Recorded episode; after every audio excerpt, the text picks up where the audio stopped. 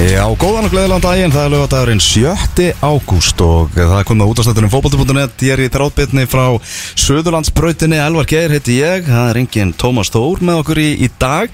Ástæðan yfirvöld, hann er á uh, leikfúlam og Liverpool, hátegisleiknum í ennsku úrvalstættinu og uh, það er staðan markalauðs eftir hálf tíma Þetta fór á staði í gær þegar að uh, Arsenal vann sigur á Crystal Palace. Við ætlum um að ræðum ennska boltan hérna setni hluta þáttarins, það mætir eh, Kristján Alli okkar sjálfæðingur og ræðum svona tímabilið sem að er farið að stað gleðina sem að, að framöndan er. En það er góðu maður hérna með mér. Það er engin annar en Sverrimar Smárásson sem ætlar að eh, fylla skarðu Tómasar í þessum þætti. Blessaða Sverrir. Blessaður, ég gerir heiðarlega tilhörn til þess að fylla hans skar Já, heldur betur. Við ætlum að fara yfir svona íslensku fréttinnar og, og svo eins og áður segir þá er það enski boltinn, þínu menn Já. í Arsenal.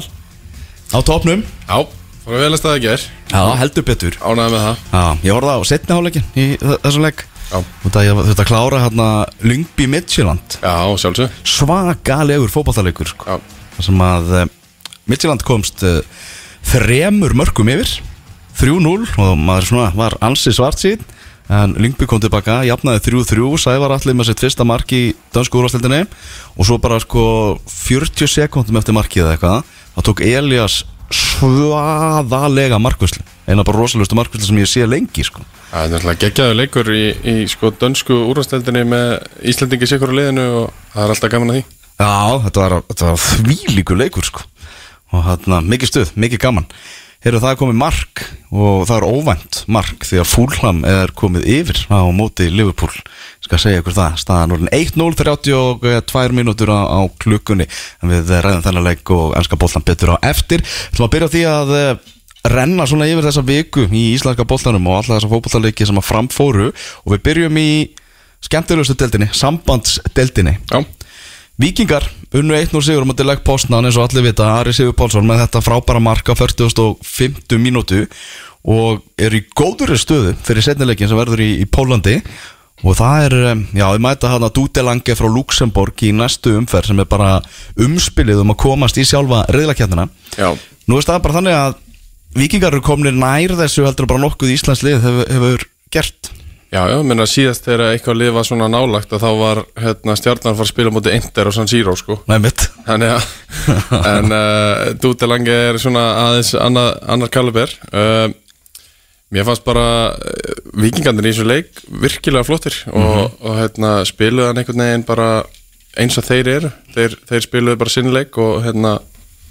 það var eitthvað sem að, eitthvað sem að talaði um það held ég í, í hérna uppgjörinu hérna eftir á hvort að þetta væri lagt upp á aðengasvæðinu eins og þeir fóru og skoraði þetta mark maður er búin að sjá þetta svona áttasinnum í sumar Já. það sem er bara hotn og þeir reyna að draga einhvern veginn varnamenninni hinu liðinu nær tegnum sínum og svo sprengja þeir bara í gegn sko -hmm. og allir bara einhvern veginn onn á þessu og, og svo, Ari sé bara sátt náttúrulega eftir að gera helling en, en hann síndi þarna að hann er allavega á, til að byrja með tilbúin til þess að stígu upp á, á hérna, eftir að þeir missa Kristall Já, heldur betur, þetta var bara stórkostlega framistæða hjá, hjá vikingum og maður var að segja sitt svona um framistöðuna þegar leikurum var búinn, það var maður svona hálfpartin fulli við því að vikingar hafði ekki bara tekið stærri Algjörlega. í, í setnileikin Algjörlega sko og þeir feng, það voru þeir sem fengu færin og það voru þeir sem að hérna, voru bara haurakir og, og með kjarkin til þess að fara, fara bara að taka þennan leik og hérna það sýnir sig kannski bara best í því að leikmenn uh, leggpostan þeir, þeir þurftu bara að sitja undir kennslustund frá, frá stuðnismönnum hérna, eftir leikin djöfull finnst þið að sjá þetta maður. Já, þeir bara stilt þessu upp í stúkuna og voru bara skammaðir bara eins og, eins og hundar. Já, það kom bara maður eftir manni og urðaði yfir það þarna úr stúkunni sko. Já. og þeir stóðu bara og hlustuðu. Og markmaður er þarna eitthvað að reyna að útskýra eitthvað, ég veit ekki hvað og maður var- þyrfti eiginlega að fá að, að hérna, einhverja svona þýðingu á þessu. Já, þeir fara illa af stað á tímabilinu í, í pólskudeldinni Já. og svo kemur þessi leikur, fara til Íslands og, og, og tapa 1-0 og það er þú veist ekki bara þeirra stöðnismenn sem auðvitað við á það er, þeir eru líka að fá útreið í, í pólskum fjölmjölum þannig að þetta verður áhugavert að sjá hvernig þeir mæta til leiks. Er, þeir verða sko hlaðnir pressu í þessum, þessum leikamóti vikingum heldur betur og vikingandi mæta hann út bara hérna, pressu lausir í rauninni. Veist, það býst í rauninni engin við því að þeir gerir neitt þannig úti, á, og, úti í Pólandi mm. og allir reikna með því og, og hérna, búast við því að leggpostnar vinni þetta einvi þannig að þeir mæta bara nút og, og þurfa ekki svona að vera stressaðir sko. Já, það er rosalegt ef vikingur kemist í, í reyðlakefnina Já, Þú veist, við erum að tala um þetta keppni eins og sem að Róma vann þessa keppni á síðasta Einmitt. sko? og, og getur fengið eitthvað ja, þetta Vestham sé, sé fulltrú Englands Já. í, í sambandstildina þessu sinni og líka bara peningarnir sem kemur í kassan í, í fósóinu það er ég sko held að séu bara að komast í riðlakeppnina þá eru bara að fá eitthvað miljard sko. Já, það er svoleiðis þetta er bara eitthvað al, algjört bull sko. Já, já, það er náttúrulega bara uh, mun hjálpa þeim alveg óendilega mikið en, en hérna ég held að meðan Arna Gunnlaugs er hérna í, í uh, brúnni að, að þá muni þeir alltaf gera eitthvað vel með, með þann pening. Já. Og þeir muni bara verða betri og betri þannig að þetta er alveg smá skeri.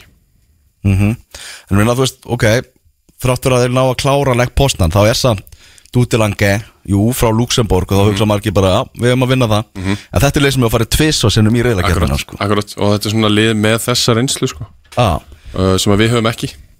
Þannig að veist, eins og þetta með Andorra hérna hjá uh, blíkonum þú veist, þetta er svona lið sem að er hérna hverju einasta ári og leikmenn sem að þekki þetta og vita hvað þið þurfa að gera og hvernig það virkar.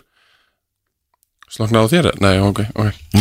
Og hérna þetta er bara þessi reynsla skiptir svo miklu máli og Arna Gunnlaugs er bara búin að gera frábælega það að, að hérna, einhvern veginn bara án þess að spila leikin að búa til reynslu í leikmannhófnum sínum fyrir hvernig á að, að vera í svona leik. En ég minna má ekki bara segja, þú veist, bara Þú veist, taka svo bara djúft í árin að hann og Óskar Hrafn eru bara einfallega að breyta leiknum svolítið Bara á, á Íslandi. Hérna á Íslandi alveg klálega og ekki, þeir hérna þeir eru bara komnið lengra. Þeir eru bara komnið lengra með einhvern veginn svona uh, sín og, og, og líka bara taktíst og hvernig hvernig þeir hugsa fótbolta og, og hvernig þeir hugsa anstæðinginn og, og hérna hvað, þeir, hvað þeir vilja gera og, og hérna, hvernig þeir vilja mæta hvaða liði sem þeir mæta.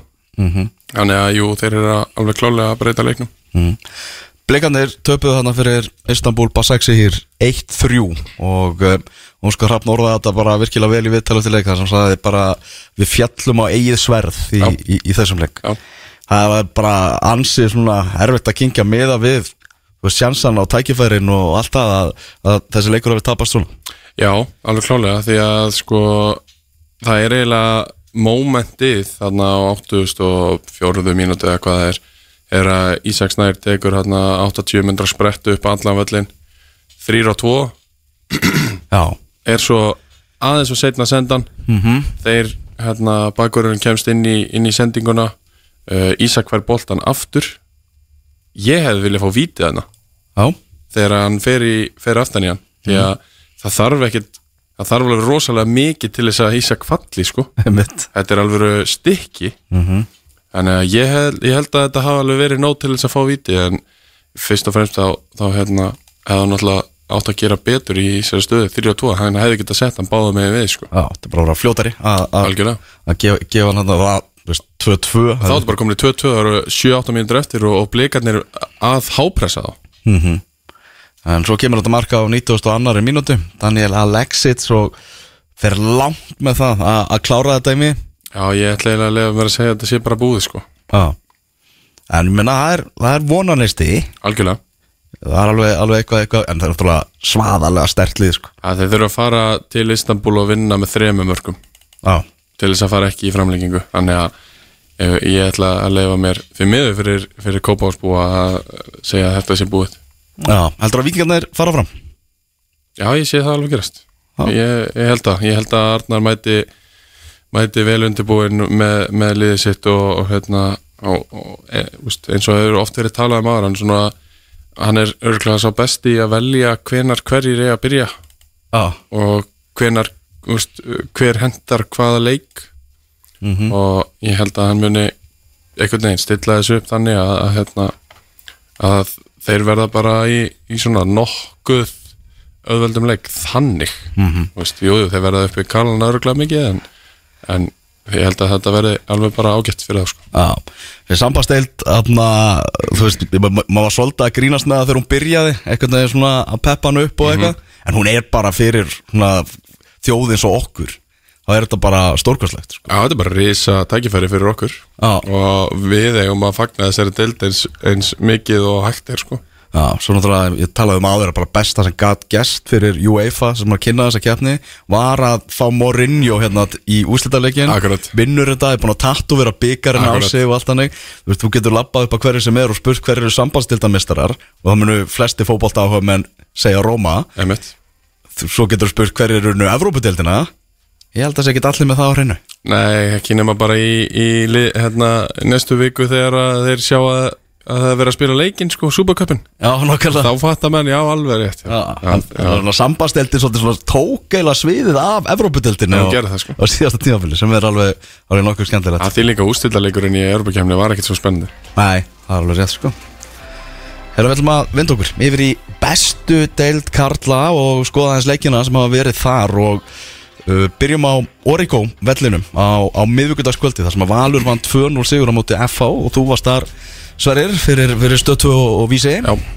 Að, að ræða um en fegst ekki að, að spjalla við Óla Jó hins vegar eftir þennan leik? Nei, ég fekk ekki og ég fekk svör við því að uh, það hefur verið fyrirfram ákveðið að hérna, ef að Valur skildi vinna leikinn þá myndi Helgi mæta í, í vittur eftir leik og það var ákvörðan að sóla virðingu við leikmenn FH mm.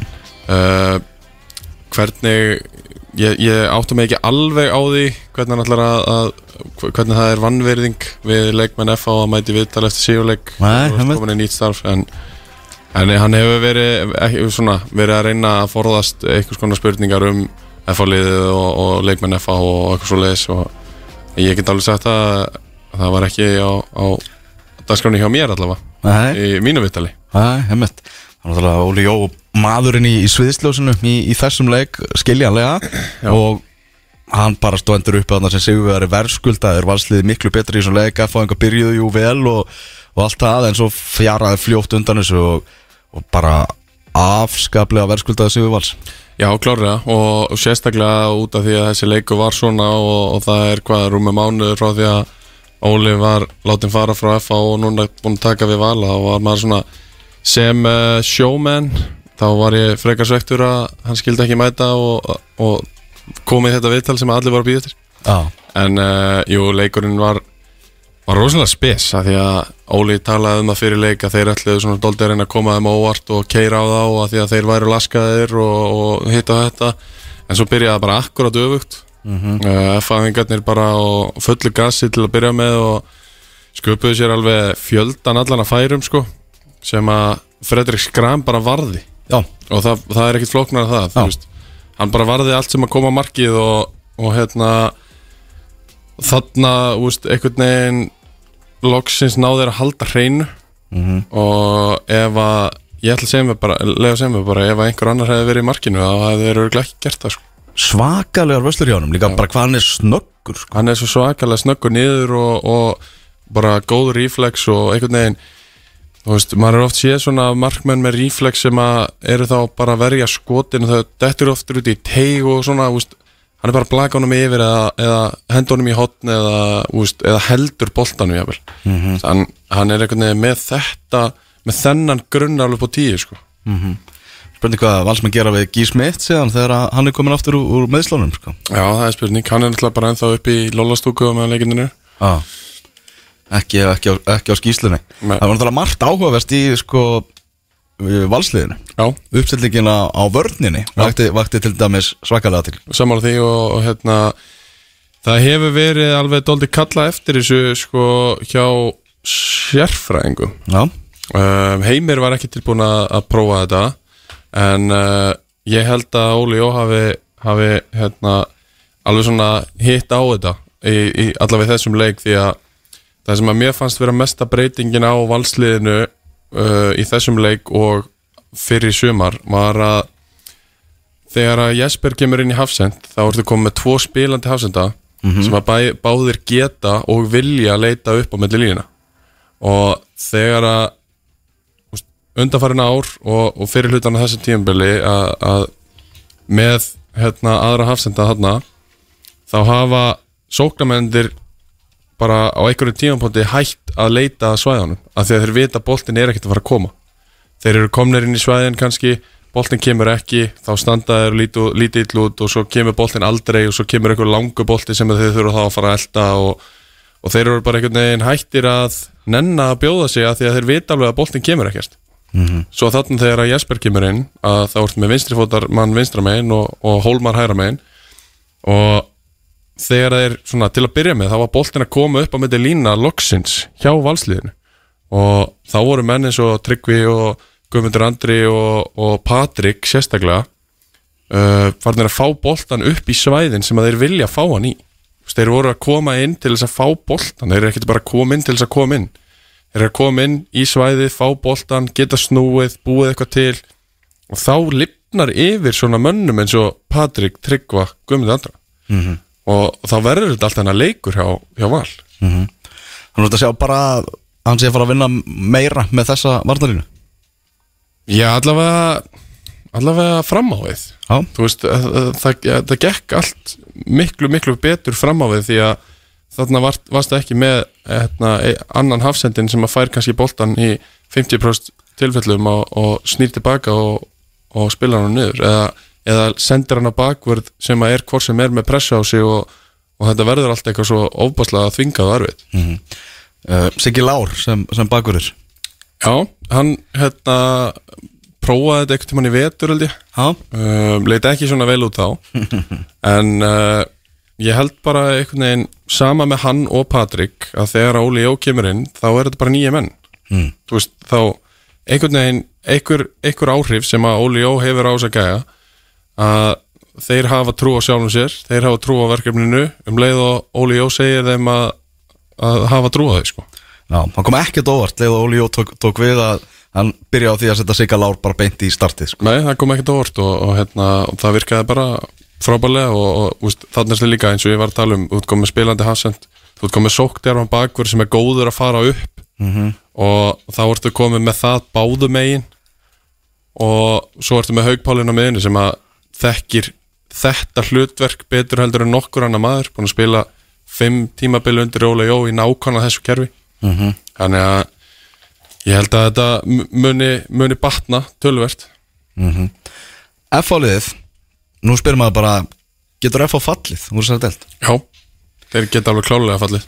Ég, er sko, ég var alltaf á, á svarinu nei við, við því, bara einhvern veginn bara út af þessum stjórnum mannskap sem, þeir, sem þeir eru með en eftir að hafa hort á þennan leik þá er ég búin að sveiflast í hina áttina sko. Já, ég, hérna ég skrifaði það með að segja í skýslunum mín að hérna, þeir FH fellur úr þessari deild ef að þeir nota ekki þessar 20-25 minútur eins og þeir byrjuðu leikin Mhm. þeir ná ekki að nýta það.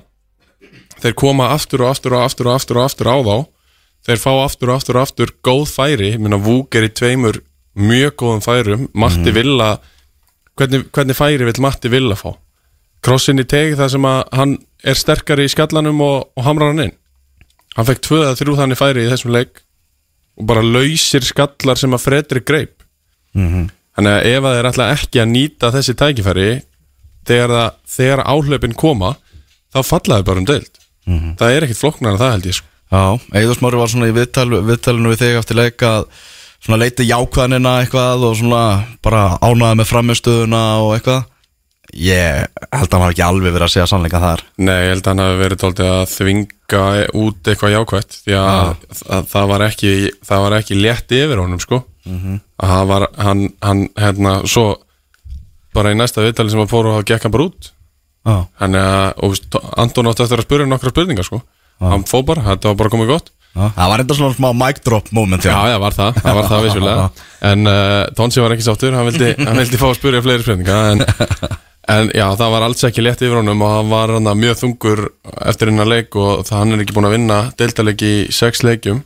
Mhm. og eitt sigurleikur á móti í er í byggarnum það er bara alls ekkert nógu gott og hann veit það og hérna það, þetta er bara þetta, þetta er ekki að ganga. Og úst, Kitty Freyr hefur verið að fá gaggrinni hér og þar. Já, það er gaggrinni sem að mér finnst alls ekki að réttastur því að hann er langbesti leikmærin í sér liði sko. Það er rosalega erfitt einhvern veginn að blómstra þegar þetta er, bú, er búið að vera svona þrótað eins og þetta er búið að vera sko. Algjörlega, en ef maður fylgist með honum inn í leiknum þá er hann samt einhvern veginn að blómstra. Hann er að búa til svona fjögur, fimm góð færi í hverjum einasta leik. Þannig að ég veit ekki vombriða kaup tímabilsins ég veit ekki hvað hann að skapa mörg færi til þess að verða góðkaup Já, bara menninir í kringum að þurfa, þurfa að grípa Þeir gæsa þurfa bara að skora úr færunum sem við fá. Já, einmitt. Já, þetta lítur alveg bara ótrúlega illa út hjá, hjá F-fæðingum sko. að gera það. Svo, Rísastótt verkefni og líka bara að hugsa um það Eyður smári í fallbaróttu emitt, rosalega skríti Það hefur aldrei gæst og líka með F-hólið, þú veist. Hann er ekki með leikni eða, eða keflaðið sko. Nei, En uh, svo náttúrulega líka kallaði tilbaka Úlf Ágúst hérna, Björnsson frá Njárvík já, og ég spurði Eismára út í hann eftir leik og hann vildi svona hann passaði svo rosalega, vildi ekkert vera að gefa neitt mikið út- en Úlfur Ágúst búin að vera hérna, líkil maður í besta liðinu í annar deild, búin að skora tíu mörg í einhverjum tól leikjum áður en að kalla það tilbaka til þess að spila 15 mínútur á móti val þegar hann vantar mark. Já.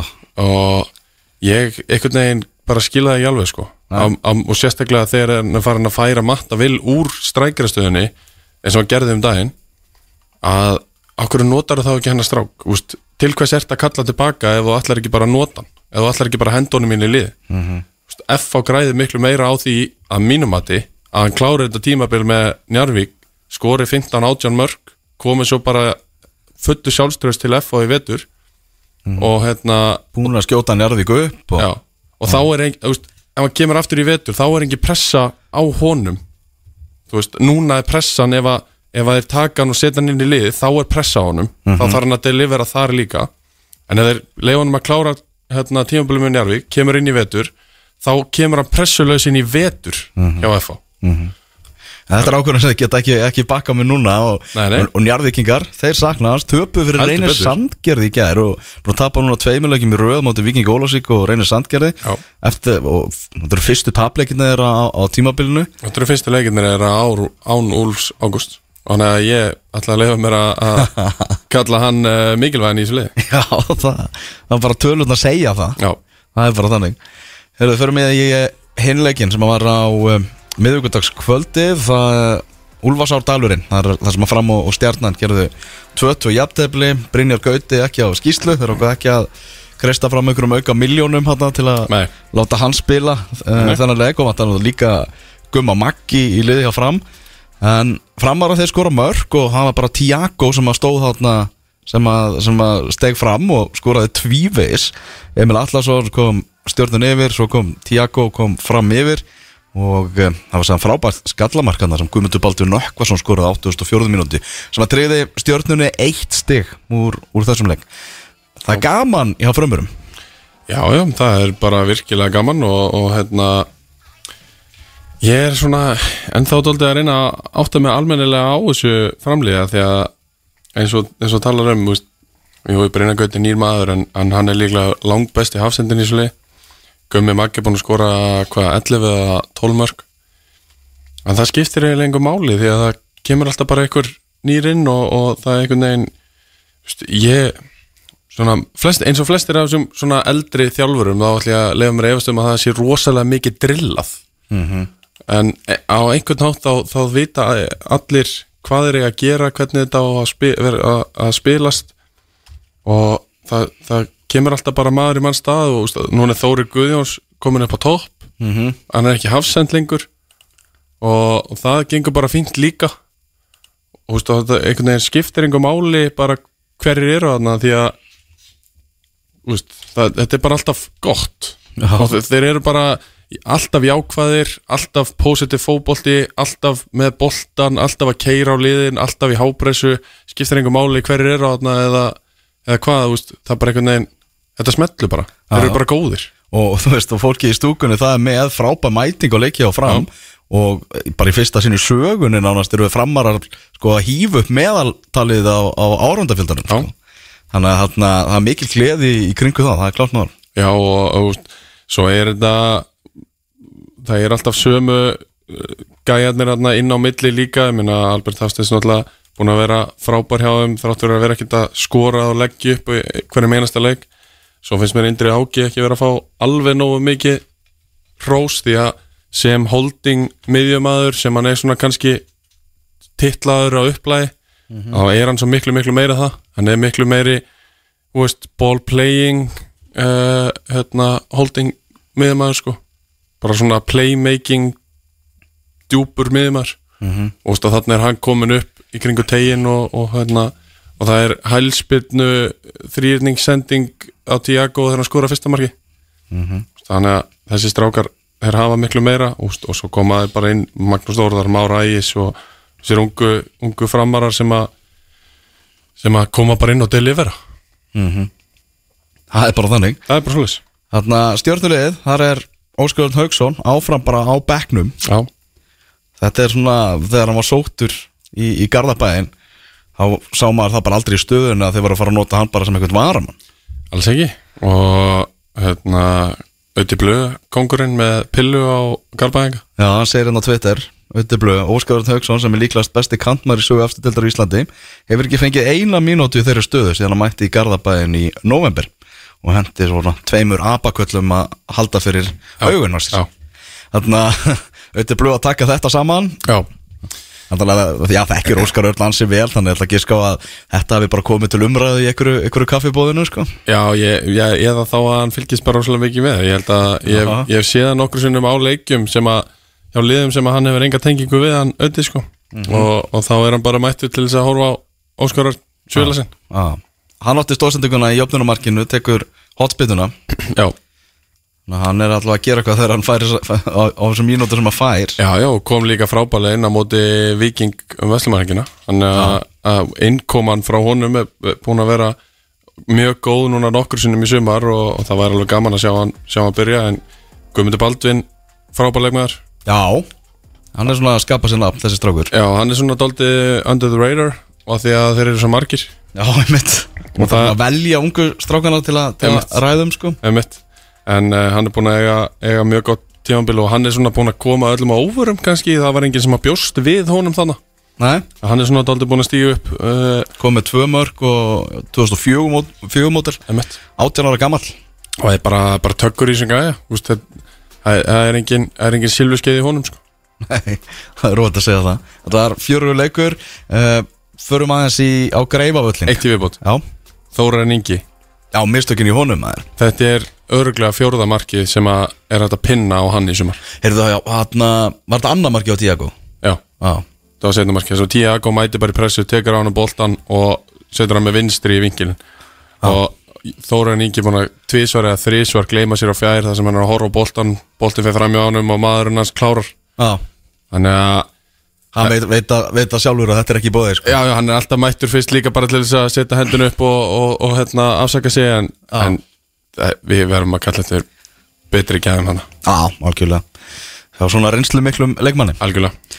Heyrðu K0 KR1 Skal ég eitthvað segja. Aron Þórður Albertsson með markið eftir að Kenny Tjópart kloppaði Hallgrí Mar og, og bjóð til þetta mark reyndist eina markið í leiknum með reynum ólíkjöndum að K.A. hafi ekki skorað í svona leik. Já, það var það. Stöngin hann, Gummi Ben talaði ekkert eðlilega mikið um stöngina hann vinstri stöngina og markinu hann að vinstra megin frá, frá uh, okkasjónur í sjónarfinu en uh, þeir setta hann alveg bara þeir svo fjóru sinnum í, í stöngina og, og það eins og segir bara ótrúlegt að þeir hafi ekki skora marki í svona leik. Og hérna þú veist, ég káringarnir það var eitthvað það var eitthvað þarna. Já, það er eitthvað svona smá eitthvað upprisa í, í gangi á þeim. Góðu punktur hjá Rúnari með hérna að, með stoltið og, og trúna á veist, treyjunni í rauninni. Mhm. og merkinu sem þú ætti að spila fyrir. Það, það er alveg eitthvað sem að maður hefur alveg séð svona þegar, að- þegar að hann segir það ég er engin, ég er engin snillingur sko. En þegar hann segir það þá svona pæli maður í því og, og hérna það er alveg rétt þetta, þetta er alveg rétt, það hefur vantað svona stolti stolt. Já, og þeir eru alveg meðvitað af það, káringar, þeir eru svolítið að spýti lóana, held að séu hoppukastalar og, og fría pulsur og eitthvað á morgun þegar Já. IPVF kemur í heimsók ok, gegja Þannig að þeir eru svona aðeins að, aðeins að peppa upp stemminguna sem er alltaf að jákvæð En þetta fór, já, það fór ímislegt í taugarnar á heimamönnum í, í þessum leik. Já. Egil Arnar Dómari var þar, þar ofalega og svo náttúrulega kannski uppsapnast líka þessi færi sem þeir eru að klúðra og stangarskvotin og einhvern veginn það varð eitthvað undan að láta hann í lokin og þegar þeir vildu fá vítaspinnu í uppáta tímanum þá náttúrulega springur allt og Arna Gretarsson fær hann að líta rauðaspjaldið og hann aðalega brjálaði sko út í fjóruðadómaran Já, Svein Arnarsson. Á mest pyrrar út í hann. Mest byrjar út í hann. Hann átti náttúrulega aldrei að fara að dæma víti. Það, Nei, nei, nei, það var ekki hans, hans hlutverk það var ei, bara komum að því. Fannst þetta að vera víti? Já, Já, ég samanlega ég er ósamála reyni Já. sveitungi mínum. Að hann var alls ekki á því að þetta var viti en uh, ég finnst þetta bara sólin uppi uh, nýjahæð inn í teig á mann sem er í skotinu mér er alveg sama svona, veist það var alveg augljóst að hann var ekkert mikið í boltanum allir sér hann sko. Og mér finnst þetta bara alltaf vera viti og ká áttu bara jafnilega lengina sko. Já, ég skil Arnar rosalega vel að vera að pústa hana. Já, en sveit, ég meina, come on. Leiðum bara manninum að pústa. Já. Það er að við vitum ekki alveg nákvæmlega hvað fór fram hana, þeirra á milli. Nei, nei, Einar sem við vitum er bara að Arnar sagði hann að öskra að hann fokking fáviti eftir á. eftir rauðarspjaldið Já, og hann var vel pyrraður út í hann og, og Sveit hann býr á Akureyri. Og ég heyrði eitthvað að leiðir þeirra hafðu mæst séðan heldur daginn og eftir sko. mm. og hann Arnar var ekki runnin reyðin Nei, ok, já, ok. Þannig að spurning hvað hann Álið samt yfir að það er í viðtalinu? Já, já, já. Þetta er annar rauða spjaldið hans Þannig að hann er að fara í tveggjaleikja bann Að minnstakosti. Já, Spurning hvort það er jafnvel þingið eitthvað eftir viðbröðun eftir, eftir rauða spjaldið sko. já, það ég get alveg séð að gerast, sko.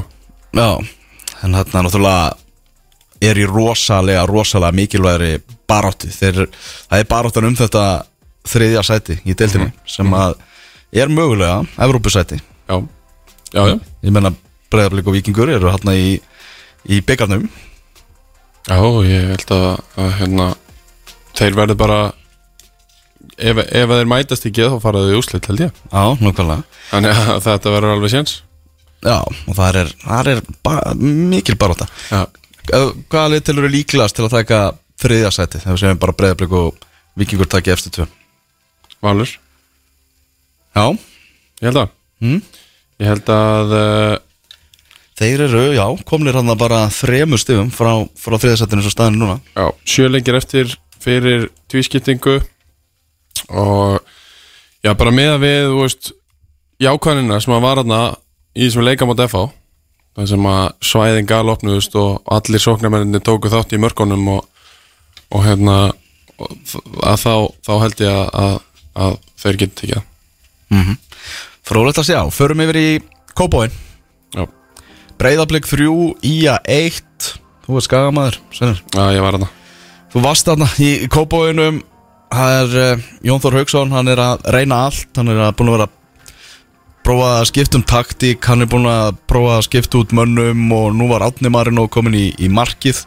En Fyrirliðin Átni Snær Ólafsson komin á, á bekkin Sem er nú bara er stórtíðindi Já, Og Já, það var nú held ég fáið skagamenn sem voru að búast til því að fá eitthvað út úr þessum leiki í Kópói en, en vonir kviknuðu þegar Gísli Lagstall skoraði þarna á 54. mínútu. En hafa bara settu blikarnar í, í, í gang. Já, já það var nefnilega nákvæmlega málið því að sko fyrsta klukkutíman í þessum leik þá voru leikarnir yfir á öllum sviðum í leiknum en samt bara í öðrum gýr og þegar að marki kemur frá Gísla sem að by the way var geggja mark. Það sem að Kai setur hann og Steinar Steinar út á völarinn völarinn með geggjaða sendingu á fjæra á, á Gísla. Allir fjórir sóknarmennir tóku þátt í þessu marki -hmm. sem er bara mjög mikilvægt fyrir lið eins og ía sem er í þessari baratu að þeir séu allir að taka þátt í þessu. Að hérna þegar að marki kemur að, að þá þurftu bleikandi bara að stígu upp og maður eiginlega bara sá það strax bara um leið og við tókum miðjuna að, að þetta er ekki eitt úr sigur í að mjög, maður var nokkuð vissum það þegar þeir voru búinir að koma sér í það góður stöður fyrir, fyrir leiknum að þeir myndu bara svona aðeins skerpa á og þá kemur mörkin. Maður sér það bara á úr þessum leik bara hversu miklir yfirburðir blika, blika voru. Já, bara á, á öllum sviðum. Dagur Danvalin maður leiksins hérna af Stefáni Martin eftir sammála því? Já Já, það er alveg vera mjög góður sko en, en aftur á móti var náttúrulega að setja rosalega mikil áhersla á að keira upp hann að vinstra megin. Og just, það, hann passaði bara rosalega vel inn í þetta hlutverk sem hann fekk í þessum leik að að vera mikið með boltan, að vera mikið að koma upp veist, hann er góður með boltan, hann er góður að taka með ná Mhm. þannig að hann passaði rosalega vel inn í þetta hlutverk ef að þeir þurfa að fara verjast meira í einhverjum leik þá held ég að hann er, myndi ekkert passa eins vel inn í bakvörð Mhm. en hann gerði það í þessum leik og spilaði hann frábælega og var, eins og ég segi, mikið með boltan og mikið að keira á það og, og hann er góður því Mhm. og bara það sem hann hefur reynst þessu breyðabliksliði vel í, í sumar bara kameljón og svisnesku vasanýfur sem getur bröðu sér í allra kvikinda líki sko. Virkilega, virkilega öflöður og hérna og blikar með sigur en skagamenn útlitið er orðið ansi, ansi svart. Já, það er það. Náttúrulega til að halda sér uppi þá þurfa þær að ná að komast upp fyrir tvö lið. Og þarna eru í námunda vissulega leiknir FA og IBF Já, já, möguleikin er alveg þarna. Veist, þetta er ekkert búið. Það er alveg það er alveg ennþá góður sjans fyrir, fyrir í að hérna, halda sér í deildinni. Ég meina það eru fjögur stig upp í nýjöndasetti og þetta verður bara eins og maður lítur út þannig í dag að það verður þessi fjara hérna, liða pakki sem að mun berjast um þetta. Og þegar það er komið í þessa hérna, fallumferð að þá þarf bara eitthvað að vera orðið jákvæðara þegar að hjá ía til þess að þeir eigi, eigi mögulega á þessu. Must, mér finnst þetta lúka núna uh, smá örfatningafullt Vist, þeir segja hann að tvo útlendinga í, í glugganum og, og, og hérna uh, Kristján Lindgren er á bekknum í þessum leik. Já, það er sóknarmæðurinn já, Já, og Tobias, hann heitir Tobias Stagard. Hann er í byrjunleginu og mér fannst þess að hann leit þannig út eins og hann hafi ekkert rosalega mikið séð af blíkaliðinu en það hafi samt verið sagt við hann að hann, ef þú voru að passa hann nummer 22 þú veist þú voru að dekka hann, hann er búin að skora tóldi en hann vissi samt ekkert almennilega hvað hann gæti fengið frá Ísaki skilur já, uh, þannig að þegar hann kemur inn í leikin úst, skilur hvað er að fara? Hann þarf að vera búin að sjá þetta til þess að vita raunverulega hvað hann þarf að gera. Já, já. af því að eftir, í fyrsta glukktíma leita hann rosalega vel út. Svo þegar skora marki þá einhvern veginn keira er bara af stað blikarnir og er gera það sem þeir vilja gera leiða menn út úr stöðum og hann er alltaf út úr stöðu Já. fyrsta marki þá hérna, er ekki fyrsta markið þegar að sendingi kemur í, í gegn? Jú, geta, geta stendósmarkið Já. Og uh, þar er hann bara leittur 10 metra út úr línunni Hauskvöldi tekur hlaupið í gegn og sendingin á hann búið að galopna. Já, hann er að dekka Damir í hodninu og hann er að dekka Ísak þegar Ísak skorar. Sami gæin já. Þannig að ég held svona hann var ekki alveg, Hann var ekki búin að horfa á ja, breyðabliksliði hann vissi ekki alveg hvað hverju hann ætti að búa svona þegar þeir færi í gang sko. Já.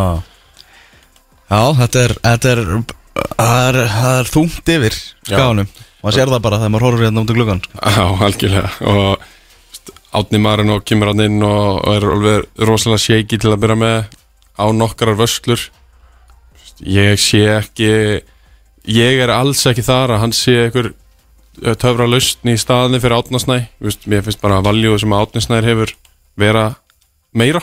Uh, mér hefur fundist það allan tíman og svo eru hann nokkrar breytingar Ge ge getur að sé það að bara átninsnæður fari í marki strax í næsta leik að svona noti þetta til að aðeins svona gefa hann smá spark kannski?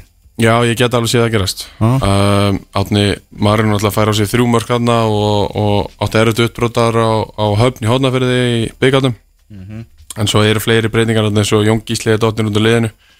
Mér fannst hann ekki hafa staðið sér nógu vel í hæri bækjörnum í, í fyrstu hvað, 12 umfrönum eða hvað sem það var. En mér finnst Átni Salvar heldur ekkit vera að spila þannig að hann eigi að halda þessari stöðu. Fyrsta hálftíman 40 mínúnar í, þessum leik þá hitt hann allar samherja og, og einhvern veginn dagur dagan keirði á hann allan leikin og þeir fengu endalust að færum út úr því Mhm. en uh, já, ég veit ekki alveg það, það vantar eitthvað, það vantar bara eitthvað í þetta. Já, það vantar eitthvað í þetta. Þeir eiga, eiga valsmenn í, í næsta leik og fara síðan norður og, og mæta káa Mhm. þar á eftir og svo kemur svakalegu leikur Það er í BVF, mætir í heimsó á, á norðurálsvöllin unnu val á skaganum í fyrra. Já, heldur betur, eftirminnilega. Þegar við skulum eh, örstutt líta á leikina sem voru fyrir viku síðan, síðasta laugadag Þjó, Þjóðháttíða leikurinn IBF Keflavík 2-2 endu leikar þar og bara fínasta fjör, Nacho Herra sanna í, í stöði og, og eh, já, já jöfnurumarki á Keflavík kemur 87 mínúti Já. Uh, Fyrsta marki hjá Arnari Brega Nei, hvað er það? Anton Bregi An Nei, Arnar Breki. Já, uh, Geðveikt. Já, Geðveikt mark Og því líka draumi fyrir hennan stráka Skora þetta mark í þessum leik Á þessari helgi. já, Og hann búinn að koma mjög vel inn í þetta í bjöfaflið og En mér fannst þessi mörk sem að Keflavík skorar helviti soft Og ég held að Vestmannegingar hafi farið dálítið súrir í brekkuna um kvöldi Mm. að hafi ekki, hafi ekki tekið hennan tekið sigur í þessum leik því að veist, það er á að vera miklu öðuldar að koma í veg fyrir þetta fyrsta mark og svo er setna marki bara hotspinna sem fyrir inn. Mhm. þannig að mér finnst þetta soft. Uh, Andri Rúnar, vá já. Það var stemming þegar hann skoraði já, heldur Það Petur var þjóðháttíða stemming sko. Heyrðu á sama tíma að fór fram leik, leikur stjórnunar og Viking sem fór 2-2 uh, Vikingar náttúrulega þeir ætla að vinna þetta mót þá bara með er helst ekki tapa einu einasta stíi Nei, þannig að núna er staðan þannig að það er eh, níu stig sem skilja að blikka og, og, og Vikinga en Vikingar eiga, eiga leikti góða.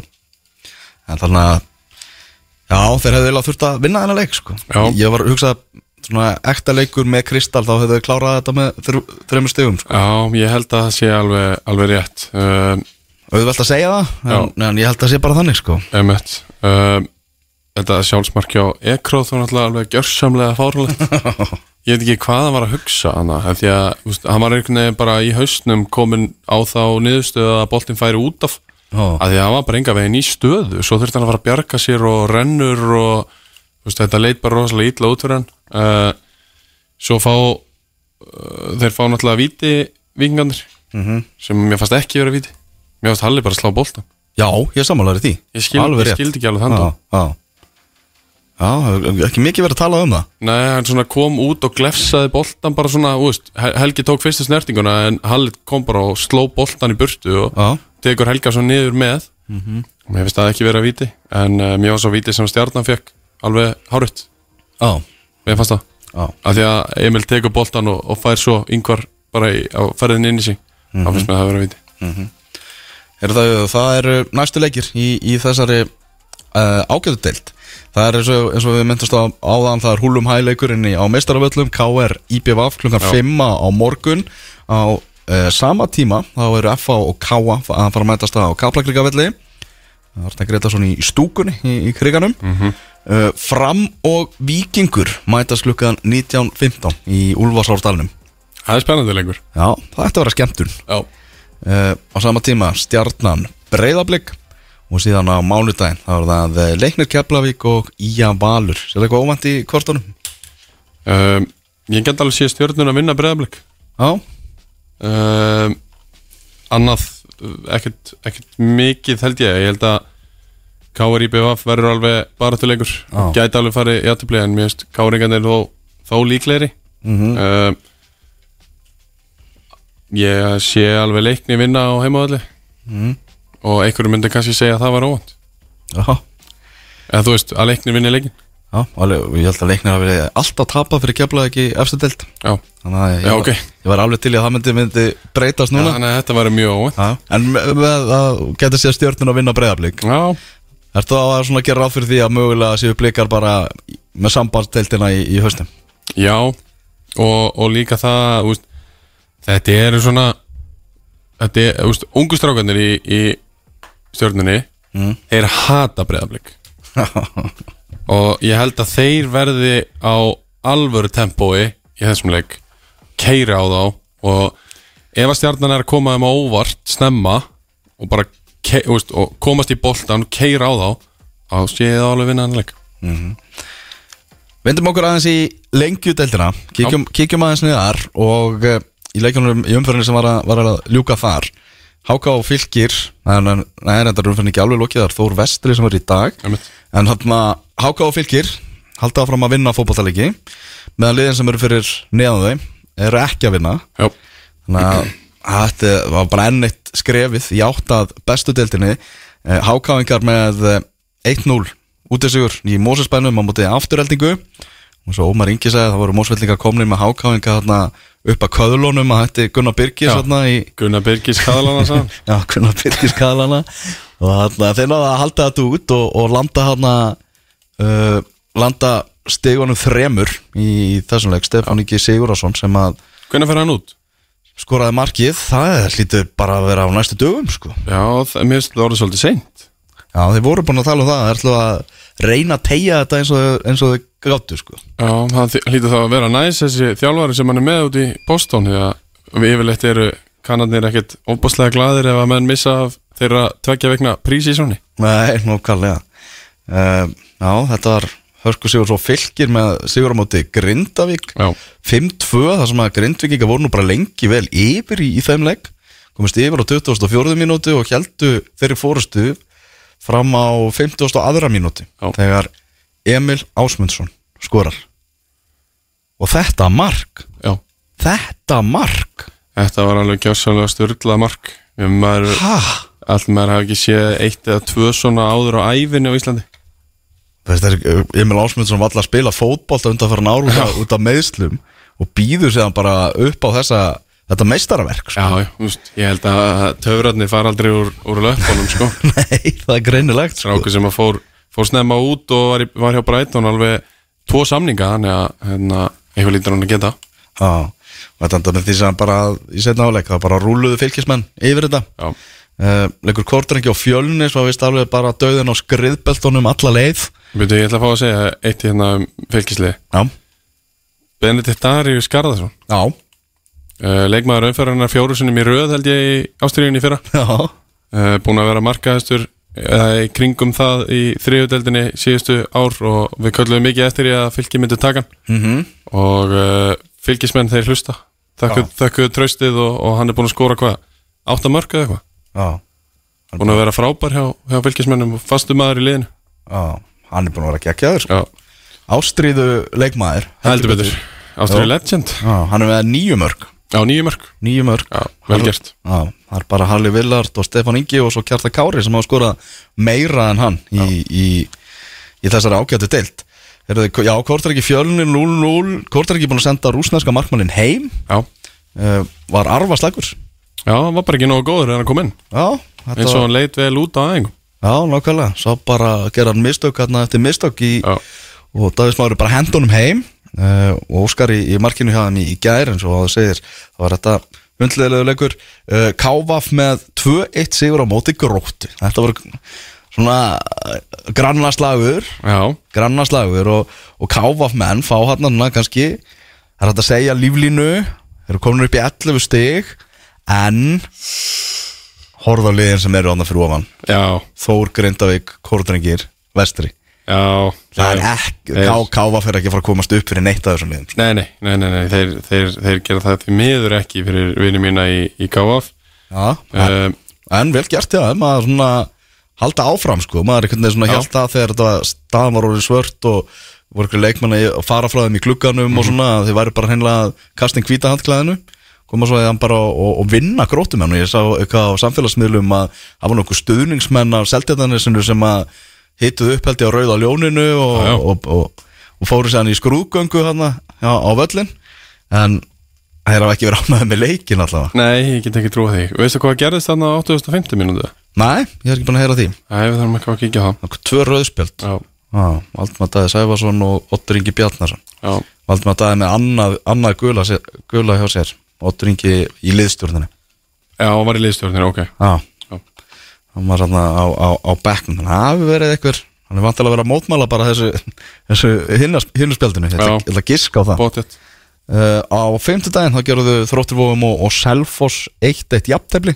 Og það er náttúrulega annað umræðefni bara í varandi þessa deild. Það er bara Þetta hrun allt í einu hjá Selfissingum Þeir eru konið núna með þrjá tapleik í síðustu fjórum leikjum og svo kemur þetta jafntefli hann á móti neðstæliði deildarinnar.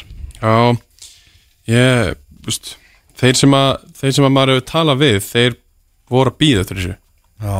Að, að veist, þeir myndi aldrei halda þessu flugi uh, og það hefur heldur betur staðist því að það er búið að vera á þeim núna síðast leina kannski tvo mánuði bara -hmm. bara frá því hérna 3. júni er vinna Þór úti það var bara búið að vera bast svona, úst inn á milli, einhverjir tveir leikir sem er vinna af 10-12 ah.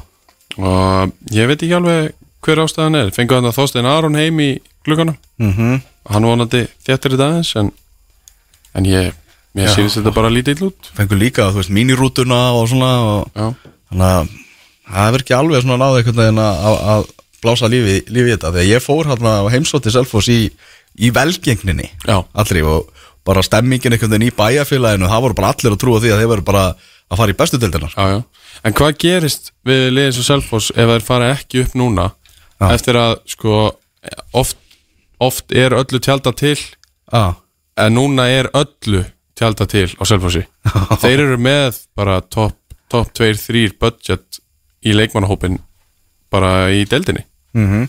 af því að þessir útlendingar sem að, er að spila þannig að þeir eru ekki fríir sko Nei, alls ekki, alls ekki Já, þetta hefur verið bara skrítið að sjá þetta sko. Já, mjög Já, annars uh, tíðindi frá Gravin Cottage því að uh, Liverpool búið jafna á móti Fulham og Darwin Núnes ég skal segja ykkur það Darwin Núnes, það er fagnað hérna í, í fiskabúrinu þar sem Kristján Alli er, er, er mættur og um, já, vel klárað þarna hjá hann hann var ekki drástaður, eða?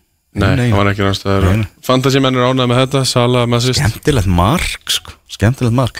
En, Sverri, fyrst að þú ert þetta þú eru náttúrulega aðeins að kíkja neðar líka sko. Já, og það er hérna uh, í, kíkjum aðeins í, í aðra deildina. Já, þar sem að já, við tölum aðeins um njárvíkingana áðan. Að skyndilega tapa þeir allt í einu tveimur leikjum í röð, það var eins og það verður bara svona eru þetta komið, eru komnir upp. Já. En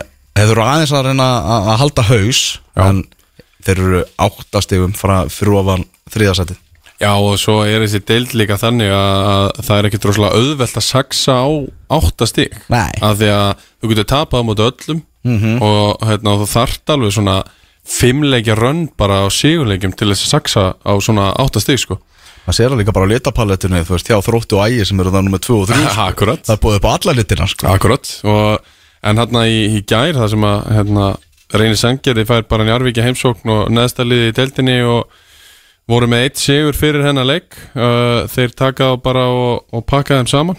Uh, langu bolti í gegna á, á Akil sem að stingur Mark, Mark Ásland af Já. og, og hérna treður boltanum í netið. 1-0 sigur og Bjarki Már Átnason að, snúa við genginu þar. Mhm. gegn uh, uh, gegn okkar, okkar trú í, í ástriðinni við heldum að það myndi ekki gerast Já. en uh, allir að búin að sækja vel eh, styrkingar í liði í gluggan og er rauninni já, með svona doldi allt, allt, er allt öðru sér bragur á, á, á liðinu og leikmannahópnum. Uh, frá því að, að áður en gluggan í byrja Mhm. opnaði, segi er ekki hérna þróttur að fara með nefnlega upp það er mín spá. Um, ægismenn geta alveg það, það hérna það, þeir líta alveg líka alveg ofbúslega vel út á köplum en svo eiga er svona einn og einn leik það sem þeir bara get ekki skorað. Um, en mér er svona þróttur er svona helst eftir að lið heilt yfir. Mhm. þráttur að ægir hafi pakkað þeim saman 3-0 í, í höfninni.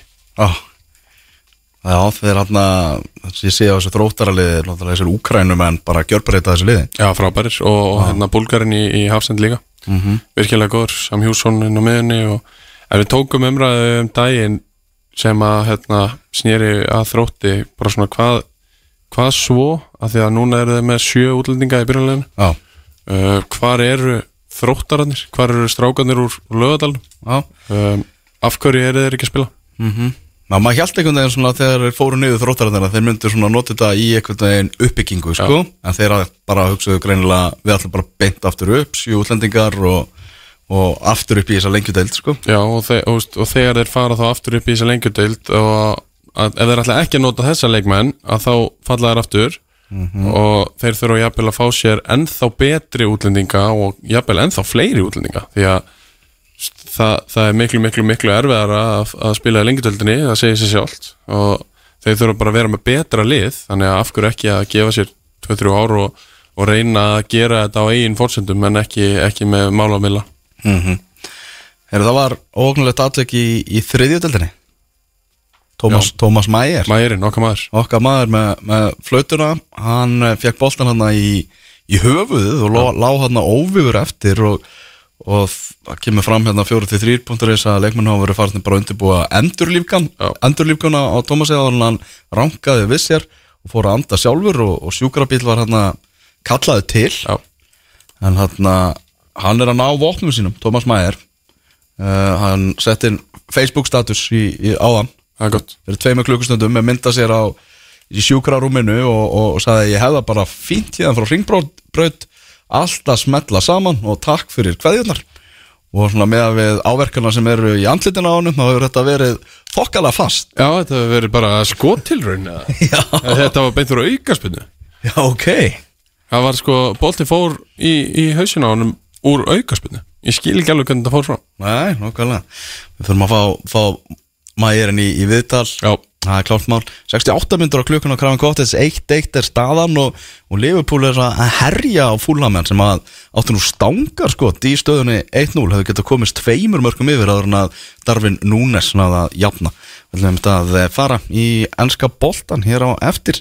En fyrst er það smá tónlist og auglýsingar Þú ert að hlusta á fótbolti.net á exinu 977 Velkomin í setni háleikin í útastættinu fótbolti.net hér á X977 Helvar Geir, Sverrir Mar og svo er komið liðstyrkur Kristján Atli. Hefur bæst hérna við okkar sérfræðingur í enska boltanum. Við erum að sjálfsögum að kveikt á kveikt á skjánum þar sem að eh, nýliðar Fúlham er að vinna Liverpool. Staðan er 2-1 í þessum leik þar sem að Aleksandr Mitrovic eh, kom Fúlham yfir, Darvin Núna sem að jafnaði fyrir Liverpool en Mitrovic skoraði aftur á 70. annari mínútu úr víta spinnu og nú eru 79 mínútur á klukkunni og það er spurning hvernig, hvernig þetta endar allt saman, Kristján Já, það er spurning Það er spurning Ég, ég var eitthvað að spáði hvort ég ætti að byrja að urða yfir þetta Já. strax og svo kannski skora þær tvö á, á loka myndunum og, og gera mig vandræðilegan sko. en, en þeir hafa ekkert verið góður í dag. Það er bara starrend Já, það er búið að gýra á, á fúlhamönnum og náttúrulega Mitrovic með, vorum að kíkja á þetta 43 mörg í 44 leikjum í Championship í fyrra. Þetta er hefur svona- fáránlegt. hefur verið meira brasa á honum í, í úrvastildinni en, en þetta er þokkalið byrjun hjá honum núna í fyrstu umferðinni. Já, töðum átti Leopold þá getur ekki beðið maður betur. Æ, Býðum aðeins með að ræða Liverpool þá til að þessum leik er lokið uh, Förum í opnunarleikin sem að framfór í gær þar sem Arsenal vann 2-0 sigur á móti Crystal Palace, þínu menn.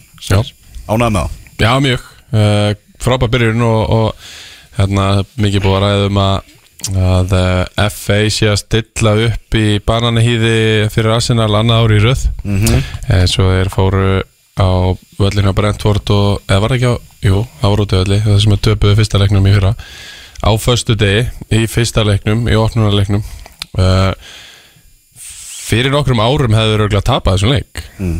uh, ég hafst þetta bara svona helst eftir í framist að heldur en ofta áður og, og létu áhlaup frá Pallas ekki á sig fá Mhm. eins og þeir hefðu alltaf gert. Mm Er það komið jöfnunar marker það er Mo Salah sem er að jafna á 80 mínútur á klukkunni Fúlan 2, Liverpool 2 en já, þarna gýrin í ykkur Arsenal stuðnismönnum hann er rosalegur, hann er allir pepp, peppaðir fyrir nýju tímabili en ég hef bara aldrei séð Arsenal samfélagið svona eins og, eins og núna sko.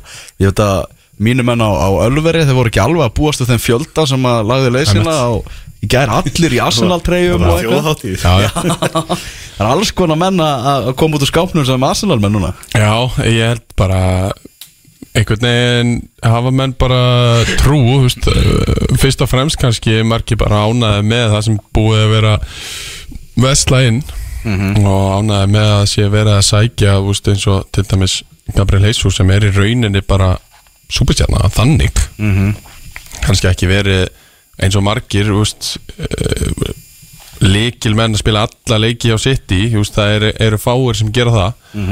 En, en kemur úr þessu hérna, kemur sem englas mistari til Arsenal. Það er, það er svolítið síðan og Sinchenko sömu leiðis uh, búin að vera í rotation hluturskjana eins og margir en kaupir tvo englasmeistara þá, þá held ég að, að allir verið sáttir við það og, og peppist aðeins upp. Mm. Saliba, geggjaður ekki er Já, bara geggjaður leikmaður. Ég, ég vildi fá hann inn fyrir nokkrum árum.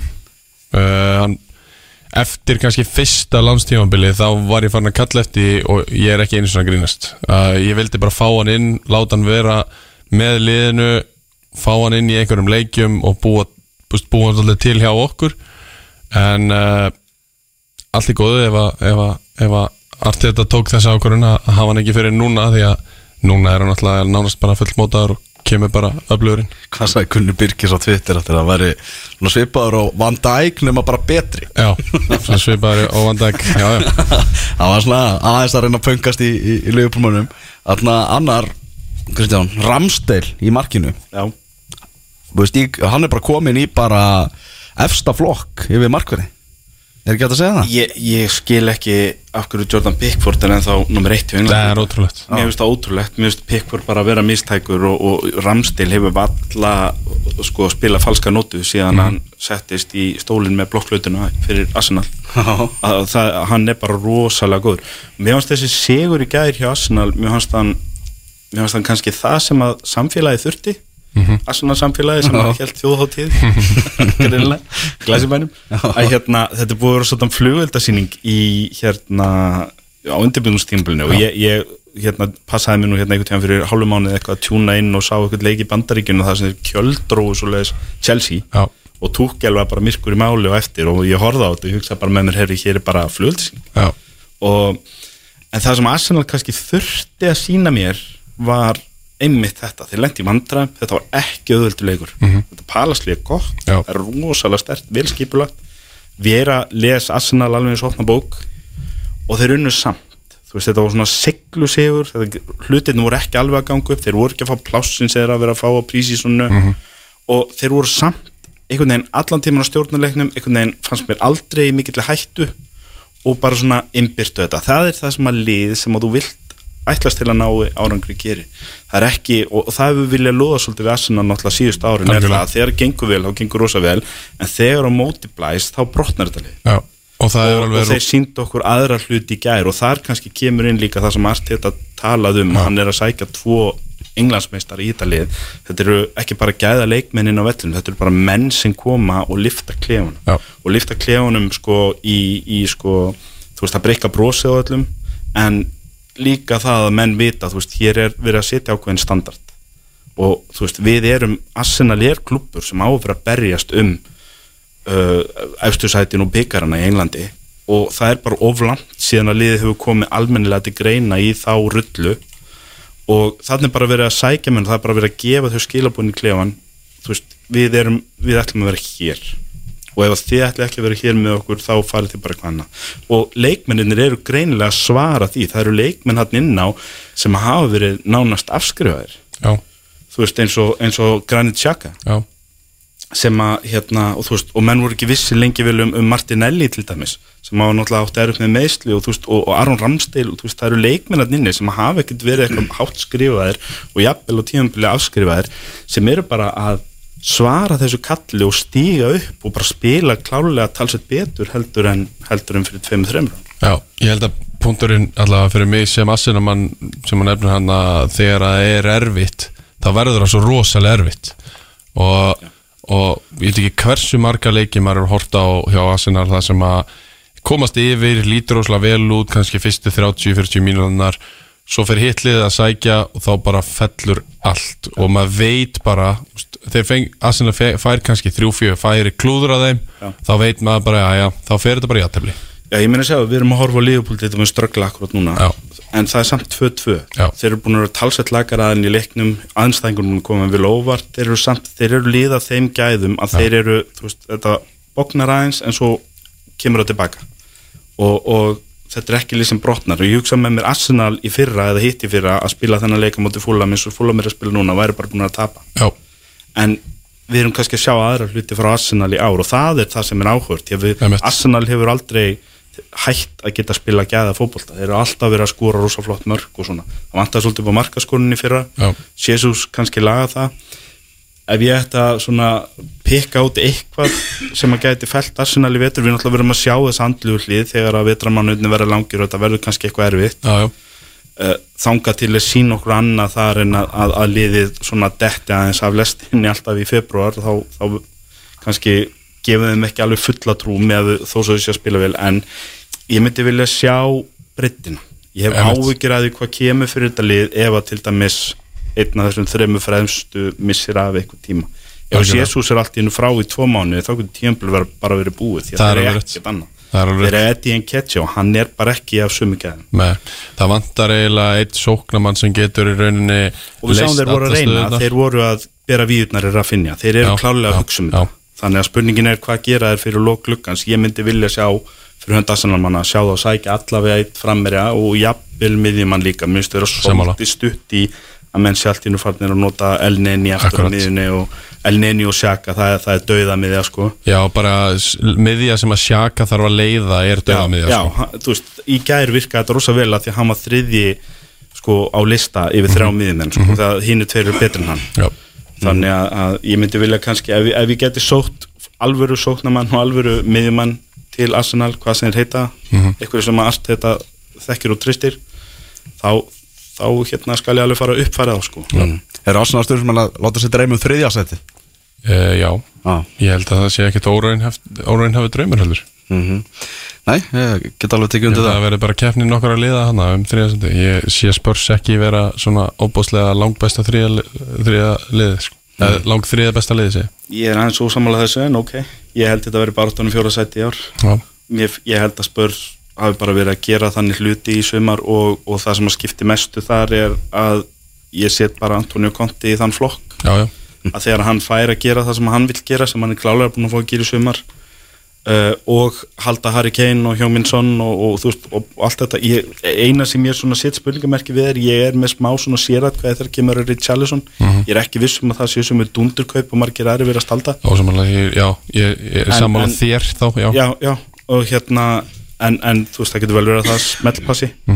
En að öðru leiti þá held ég að þetta tóttanali sé bara rosalega stert þeir eru búin að bæta breyttina, það er bara valið maður hverju rúmi og konti kann þetta allt. Þeir verða ógeðslega erfiðir í vetur. Og ég myndi ganga svo langt að spá þeim sko þeir eru liðir sem að mun örgla jafnvel blanda sér í þetta myndi ég halda með Leopold og City í vetur. Rosaleg vídeo af æfingunum hjá Conte í, í sumar þegar þú veist menn eins og Harry Kane og Son og svona þindalösi gaurar sko mm. þeir eru farin að æla á æfingum sko. Já, þá er verið að, að vera að setja kröfur hann sko. Já, já. Conte, Conte er líka bara maður sem vinnur deildir. Já, já, það er alveg hann, hann er bara þar og hann kann þetta að mynda þennan stöðuleika og, og það er ekki bara það að láta menn hafa fyrir því á undirbúinstíðanbylinu hann kann að leiða þetta liði gegnum næstu 8 eða 9 mánuðin eða hvað það er. Eða Kon- 10 reyndar. Konti vinnudeldir en spörs gera það ekki. Nei, svo er það náttúrulega hitt sko. við erum að tala um Arsenal síu söguleika brótættir það er náttúrulega að, þú veist, við, við erum að margfalda það til að fá út hvað spörs hafa verið að gera sér oft í kynning tíðina. Það, það er líð sem verður að sína okkur að þeir haldi haus í, í mars og april sko. Englandsmeistar Manchester City er að setja öll ekkin í, í Holland körfuna hjá sér þarna enda mjög falleg karfa Já. og rúmgóð Já. og vel bólstruð En ég meina, er, er, er satt ekki smá ágefni, þú veist, Gabriel farin og Raheem Störling, menn sem er búin að vera í stórum hlutverkum hann uh, á fréttamannu fundi gær, það var svona Pep Guardiola veit ekki hvort að Bernardo Silva sé á förum jafnir líka, hann verðist vera að vilja svona, taka, við, taka við nýri áskorun á sínu ferli og, og yfirkjá, sitt í má ekki missa Bernardo Silva núna, Alls ekki ofan á þetta allt saman, sko. Þeir eru orðnir ansið þunnir. Já, og maður sá það bara veist, eini maður sem var mittur um síðust helgi í samfélagsgildinum var Laporte. Og þeir voru samt með Beck sem var að meiri hlutanum til unlinga sem hafa ekki spila leik, alveg keppnisleik fyrir liðið. Mhm. og hérna þeir eru að taka smá sensa ég, þú veist, að því að þetta lið maður er svo vanur í að þeir séu með þrjá landslísmenn í hverju stöðu. Mitt en, en, en þeir eru aðeins búin að fækka einhvern veginn grísja í hópnum í ár og þá spyr maður sig, eru þeir eru þeir kannski einu með að tveimur slæmi meðslum frá því að vera allt í hennu þunnir? Veist, hvað gerist eða þeir missa að því við vorum að tala um Sil nei, Gabriel Jesus Já. hvað gerist eða þeir missa Holland eða, eða missa De Bruyne einhver tíma? Þá uh, kannski allt í hennu eru það stærri högg en hefur verið áður að því að kannski sama breytir ekki til staðar. En ég hef engan ágjör á Holland. Þessi Liverpool leikur fannst mér hafa svolítið áhrif á umræðunum hann. Já, og eins og menn væri alltaf inn að fara eitthvað að dángreitan að, að því að hann lendi í Virgil van Dijk í fyrsta leik á Englandi. Já, en þú veist, þú, þú þú ert að byrja það var eins og einhver sagði hérna sem ég sá á, YouTube eða eitthvað, einhverjum umræðum í vikunni.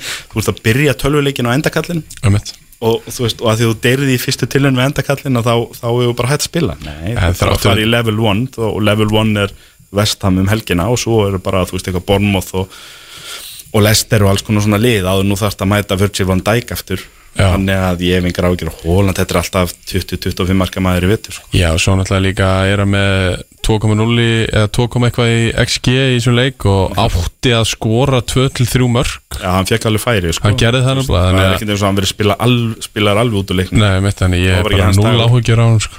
Já, já, en ég, þú veist, hérna, það eina sem ég sitt spurningamerki þar er að Holland var svolítið mikið mittur síðustu tvö ári á Dortmund. Já. Hann svona einhvern veginn, mér fannst hann aldrei ná skriðinu sem að maður bjósti, en það er náttúrulega líka bara því að hann er ungur, hann er sennilega ennþá að vaksa, mikið smá skrokkur, sko. Nei. Ég held að hendi honum bara persónulega vel sko, hann fer náttúrulega ekki á HM þar sem að normin er ekki þar þannig að hann verður bara að færa hann svona frí bara um mitt tímabil sko. Já, það verður stert fyrir hann, sko. Já, Sjáu þið tvítið hjá hérna, áhugaverðar fótballtestaðarendir á Twitter um daginn Nei. Uh, Framherjarnir þrýr hjá Molde 2017 átján. Já, Björn Bergmann Holland og Óttar Magnús Karlsson. Holland skoraði tvö mörg eða eitthvað Björn Bergmann 14 eða 17 annarkort og Óttar Magnús 1 Enda pepp á þetta, hann kefti villu sem hann. Já, það var bara veitu þessi gaur er náttúrulega bara algjörð skrýmsli sko. Hann já uh, Liverpool á móti Manchester City er þetta ekki bara, þú veist, þeir tvekja það stæmi um hann titil Nei, ég var að segja það, en ég held að Tottenham blandi sig í þetta. bara, Ég- ég, bara í titilbaráttuna sko, ég spyr mig, það sem ég Ah. spyr mig í sér það að það hefur kannski ekkit endilega mikið breyst hjá Liverpool og City þú veist að Störling er farin, Holland er komin svona í grunninn og svo aðeins lift svona einhverjum öðrum að fara sem voru kannski ekki miklu burðarásar, minka aðeins breytina hjá Liverpool hafði manni farin, Núñez komin og svo eru hitt svona minni áttabreitingar Já. um, ég spyr mig aðalega kannski um þessa þreitu að þú veist, það, það er í alvörunni fáránlegt að ætlast til þess að setja hér og bara tala um það eins og það sé bara ég bljóst og það að það kemur minnætt í kvöld að þessi lið fari í 90 stíg því að Já. 90 stígin er eitthvað sem er sjálfgeft í þessari deil þanga til að City og Liverpool tóku upp á því að gera það þú veist, þrísvar og fjórum árum hvort Já, og fara jafnvel, þú veist, í 97, 8, 900 stígin þannig að þeir eru búin að skekja umræðina en maður spyr sig hvenar kemur kannski eitthvað smá þreita í þetta? Hjá öðru hvoru liðinu eða báðum? Og þú veist, þau hafa lent í því einu sinni hvort síðustu þrjú árin eða fjör að, hérna City voru í meðslavandræðum fyrir tveimur árum og Liverpool rústaði deildinni og síðan fyrir einu og hálfu ári þá voru Liverpool í meðslavandræðum og City rústaði deildinni. Þannig að það verður ekkert annað lið veist, ef, ef að þessi tvöli stík upp gagvart hvort öðru þá er hitliði bara de facto búið að rústa deildinni og það er náttúrulega alltaf hættan ef að til dæmis Liverpool er að byrja hérna kannski á jafntöfli og, og ná ekki þessi 90 pluss stig í ár að City bara rúli með þetta skilur, þetta verði ekki spennandi. En en ég verið að kalla eftir svona þessi síðustu 2-3 ár að eitthvað af þessum liðum stíi upp og fari í 90 stíin og burt sér frá því að ég er með Arsenal mann hérna í settinu sem að minni mér reglulega og þetta er spörs að þá finnst mér bara öll holningin á tóttina liðinu og reynslan í liðinu og komti á hlýðalínu og þú ert með Kane og Son og núttu loksins komið breytt frammi í kringum það og, og, og fullt af spennandi leikmennum Jet Spence er mjög spennandi og, og þessi miðja hefur mér ekkert, ekkert grín lengur og, og svona ég, hver er á miðinni? hérna þeir sóttu náttúrulega betangur og, og svo er þeir með unga mannin Oliver Skip sem er mikið efni og hérna og já, og Suma, þeir keftu hann og það er Hauberg. En hver er byrja? Já, hann bara stillir því upp, hann er, er vantarlega að spila 3-4-3 og velja þá tvo af þeim og hann Já. getur bara horses for courses, það þarf ekki að stilla þeim sömu upp eða ert að spila í City eða ert að spila í já. Hauberg náttúrulega líka þarna. Já, ég sagði það. Já, þannig að, þannig að hann er með valkostina skil. það er ekki lengur bara eitthvað að þetta er 11 manna sterkasta liðið mitt þar sko, það er samkjöndum stöður það er breytt og, og ég sé bara ekki mikla veikleika á tóttinalinu, það eina sé eftir að sjá til þeir er hvort þetta smellur sóknarlega þannig að þeir sé ekki bara reyða að sjá þessi hérna superhero moment sjá Harry Kane og Son í hverjum leik. Það er bara sannfæður um þessa þryggja manna varnalínu hjá Spurs ég samfæður um kerfi hjá Konti meira heldur um varnalínu Já, og mér finnst þeir lang líklegastar af þessum liðum til að stiga upp ásamt svo kannski eins og við tölum um Arsenal nema ég myndi setja meiri varnakla við breytina í Arsenal heldur um tóttina já. Byrjunarlega Tottenham sem er að fara að keppa mútið sáðan klukkan, klukkan 2 Já, það er klárt. Það er klárt, Hugo Lloris í markinu Kristján Romero, Erik Dyer og Ben Davis eru í, í varnalínunni Svo koma þeirra Emerson, Pierre Hoiberg Rodrigo Bentancur Ryan Sessegnon og þrýr fremst eru Kulusevski, Harry Kane og Son. Já, svo að við vonum ekki eins og múin að nefna Kulisevski Hann kom Já. frábær leinn frá því Já, hann gerði janúar. það, hann gerði Það það. er alveg viðbót sko. Þannig að sér það, svo, þeir eru allt í innu með Kulisevski hann inni og Richarlison á bekknu Þetta er bara breytt með við það sem við erum vanið að sjá til Já, Mér, ég bara, mér finnst þessi fimmanna uh, lína ef þú tekur vingbakkana inn í þetta bara ekki nógu góð. Sessinon er svolítið spurningmerki Hann er búin að tala er bara svolítið núna. Já, ég veit ekki, herri, ég, ég myndi ekki segja lélugur Dýr er sprungin uh, Ben Davis er bakurur Já, það kemur þá bara í ljós, ég er ósamálega Já, það er gott, það er gott. Þetta var naglhörð vörn hjá honum eftir að hann tók við þessi fyrra. Já, já, og hérna og, og hann er búin að bæta hana. Og þannig að ég, ég bara hef trú á þessu tóttanali, þangað til ég hef ekki trú á hann Aha. Fyrstu óvæntu úrslit tímabilsins, þau eru komin það búið að flöta til leiksloka. Í leik Fúlam og Liverpool, 2-2 anduðu leikar Mitrovic með bæði mörkin fyrir Fúlam og Darvin Núnes og Mo Salah með mörkin fyrir, fyrir Liverpool. Já. Hvað segir um þessu úrslit, Kristján? uh, bara, þú veist, Leopold er búin að vinna held ég fimm opnunudaga í röð, þá kannski bara komið tími til að þeir gerðu það ekki. Uh, þetta var óvænt kannski, jú, jú, léleg framistæði hjá Leopold, það er ekki margir sem ég myndi hrósa endilega nema náttúrulega kannski núnið sem að kom stert inn í þetta og þá allt í hennu losnaði Mo Salah. Þannig að það er kannski leggsíðan hérna er að byrja bara núnið næst, ég held að það sé bara klálega góður að ná bara að byrja í slið Ah. en hérna ég, ég myndi ekkert nota þennan leik og þetta jafntefli til þess að endilega dángreita mína væntinga til Liverpool í vetur sko. Ég, ég myndi frekar nota þær til þess að ökkreita það sem við kannski búumst við að fúlam því að fúlam litur rosalega vel út á síðasta tímanbili í Championship-deildinni og þetta var bara alvöru framistæði Mm. þetta var ekkert eitthvað sem bendir þessi framistæði var ekkert þess eðlis að, að menn verði einhverju fallbarótt í vetur. En svo náttúrulega kemur að hinn og það er hugafarið geta menn gert, verður sama stemming á vellinum og sama stemming á leikmönnum í umferð þrjú eða fimm þegar að Brentford er í heimsókn. Eins og þegar úr þá leikti eitt með Leopold í heimsókn í sólinni í hátteginu þú veist, það, það er spurningin. Þar kemur þetta inn sko. Er en ég þeir rísa. höfðu hugafarið í að rúlla upp Championship-deildinu með Bournemouth í fyrra. Þannig að kannski ég var nú eiginlega bara búin að spá öllum nýliðunum og kannski einu eða tveimur liðum í viðbót svona eh, brasi í vetur Mm. ég hugsaði með mér fullan bara að því að þeir hafa komið upp áður og þeir eru alltaf í brasi þó svo þetta líti ágætlega vel út hjá þeim núna þá svona myndi ég spá þeim í fallbarátunni ég er ekkert vissum að þessi úslit segja mér endilega að þetta sé topp 10 lið eða í 12. sæti bara Mhm. öryggir En er, er þeir ekki að koma þessu öðruvísi upp heldur en ofta áður? Jú, þetta er náttúrulega bara lið sem búið að spila sóknarfótbolta í átjá mánuðinu Og líka Og svona bara- svipa lið og þeir voru með í fyrra, svona Já, mörgulið já, og, og þeir komu greinlega bara með brjóskassan, út Já. í þennan leik. Þeir, þeir mættu Liverpool bara og pressuðu það og, og bara gerðu þeim mjög erfitt fyrir. Og það er ekkert oft sem að sé Liverpool lenda í þeirri stöðu og það er bara eitthvað nýlegri deildinni sem að mæta og, og, og bara taka þeim boltan og láta þau ekki tafa boltan aftur. Það er ekkert oft sem það gerist, en það gerist í dag og, og ef eitthvað er sko þá var það Liverpool sem að stálu stíinu hérna. Já, og fúlan komst tvisar yfir og með við svona gang, heilt yfir gangleiksins þá hefðu þeir frekar átt að vinna. Mm. þannig að það er bara að gefa góð fyrirheit hjá fúlan Síðast komuð þeir upp og kiftu 14 leikmenn nýfædd. Forest er að taka það núna. að taka það, sko. Sem að taka það. þetta, er, þetta er svolítið spurning hvort þetta smellur eða ekki sko, Já, hjá, hjá Forrest. Uh, þeir náttúrulega voru neittir kannski ákveðna breytingar. Þeir náttúrulega missa strax sinn besta mann já, Jet Spence og, og hérna en, en það sem er að vera að sækja er svo sem alveg spennandi sko, þeir gefa Lingard hörku samningi í eitt ár og bara og treysta svolítið á hann og svo er þeir að sækja hérna Dean Henderson í markið og ja, þeir sóttu Nico Williams frá Liverpool í Já. bakgrunum það er nú reynda damgreitt ég ég er búin að fylgjast mikið með honum til að geta sagt ykkur að hann er ekki af góður og Jet Spence. En hérna það, þú veist, það er bara spennandi, það er eitthvað ég meina maður veit aldrei, kannski smellur og það er líka mikið látið með stjóran þar. Já, þannig að hann, hann er mikið og, og mjög svona mikil smetin eftir starfið að því að hann alltaf tók við þessu fóristliði bara í já. fyrir, fyrir hérna bara rétt rúmlega einu og hálfu tíambilið eitthvað og svo veist, það, það óraði enginn fyrir því þá og að, að, þó svo þetta hafi verið lið sem að var eiginlega playoff-lið árið áður að þá óraði kannski enginn, engan fyrir því að hann myndi fara með allavega á Wembley og, og síðan upp. En hann gerði það. Steve Cooper. Já, ma, ég, ég, þú veist, það er kannski spurning hvort að bara reynilega stemmingin í Nottingham muni, muni fleiri, svona svipa á þeirra Leeds komist upp. Leeds gerði Já. eitthvað rosalega mikið til að veist, styrkja leikmannhópin og annað og halda það var bara, þetta var bara svona fortfræðu klúpu sem var komin upp og það bara, það var svona ekki stemming í kringum þetta allt að það, það, þetta var einhvern veginn aldrei hættu á fyrsta tímabili. Og ég, það getur verið að því að Nottingham það er kannski ákveð vöðvaminni þarna þessi klúpur er náttúrulega risa stór Já, á enska mælkvara og er ekki búin að vera þarna í tvo áratí bara á þessar öll sko.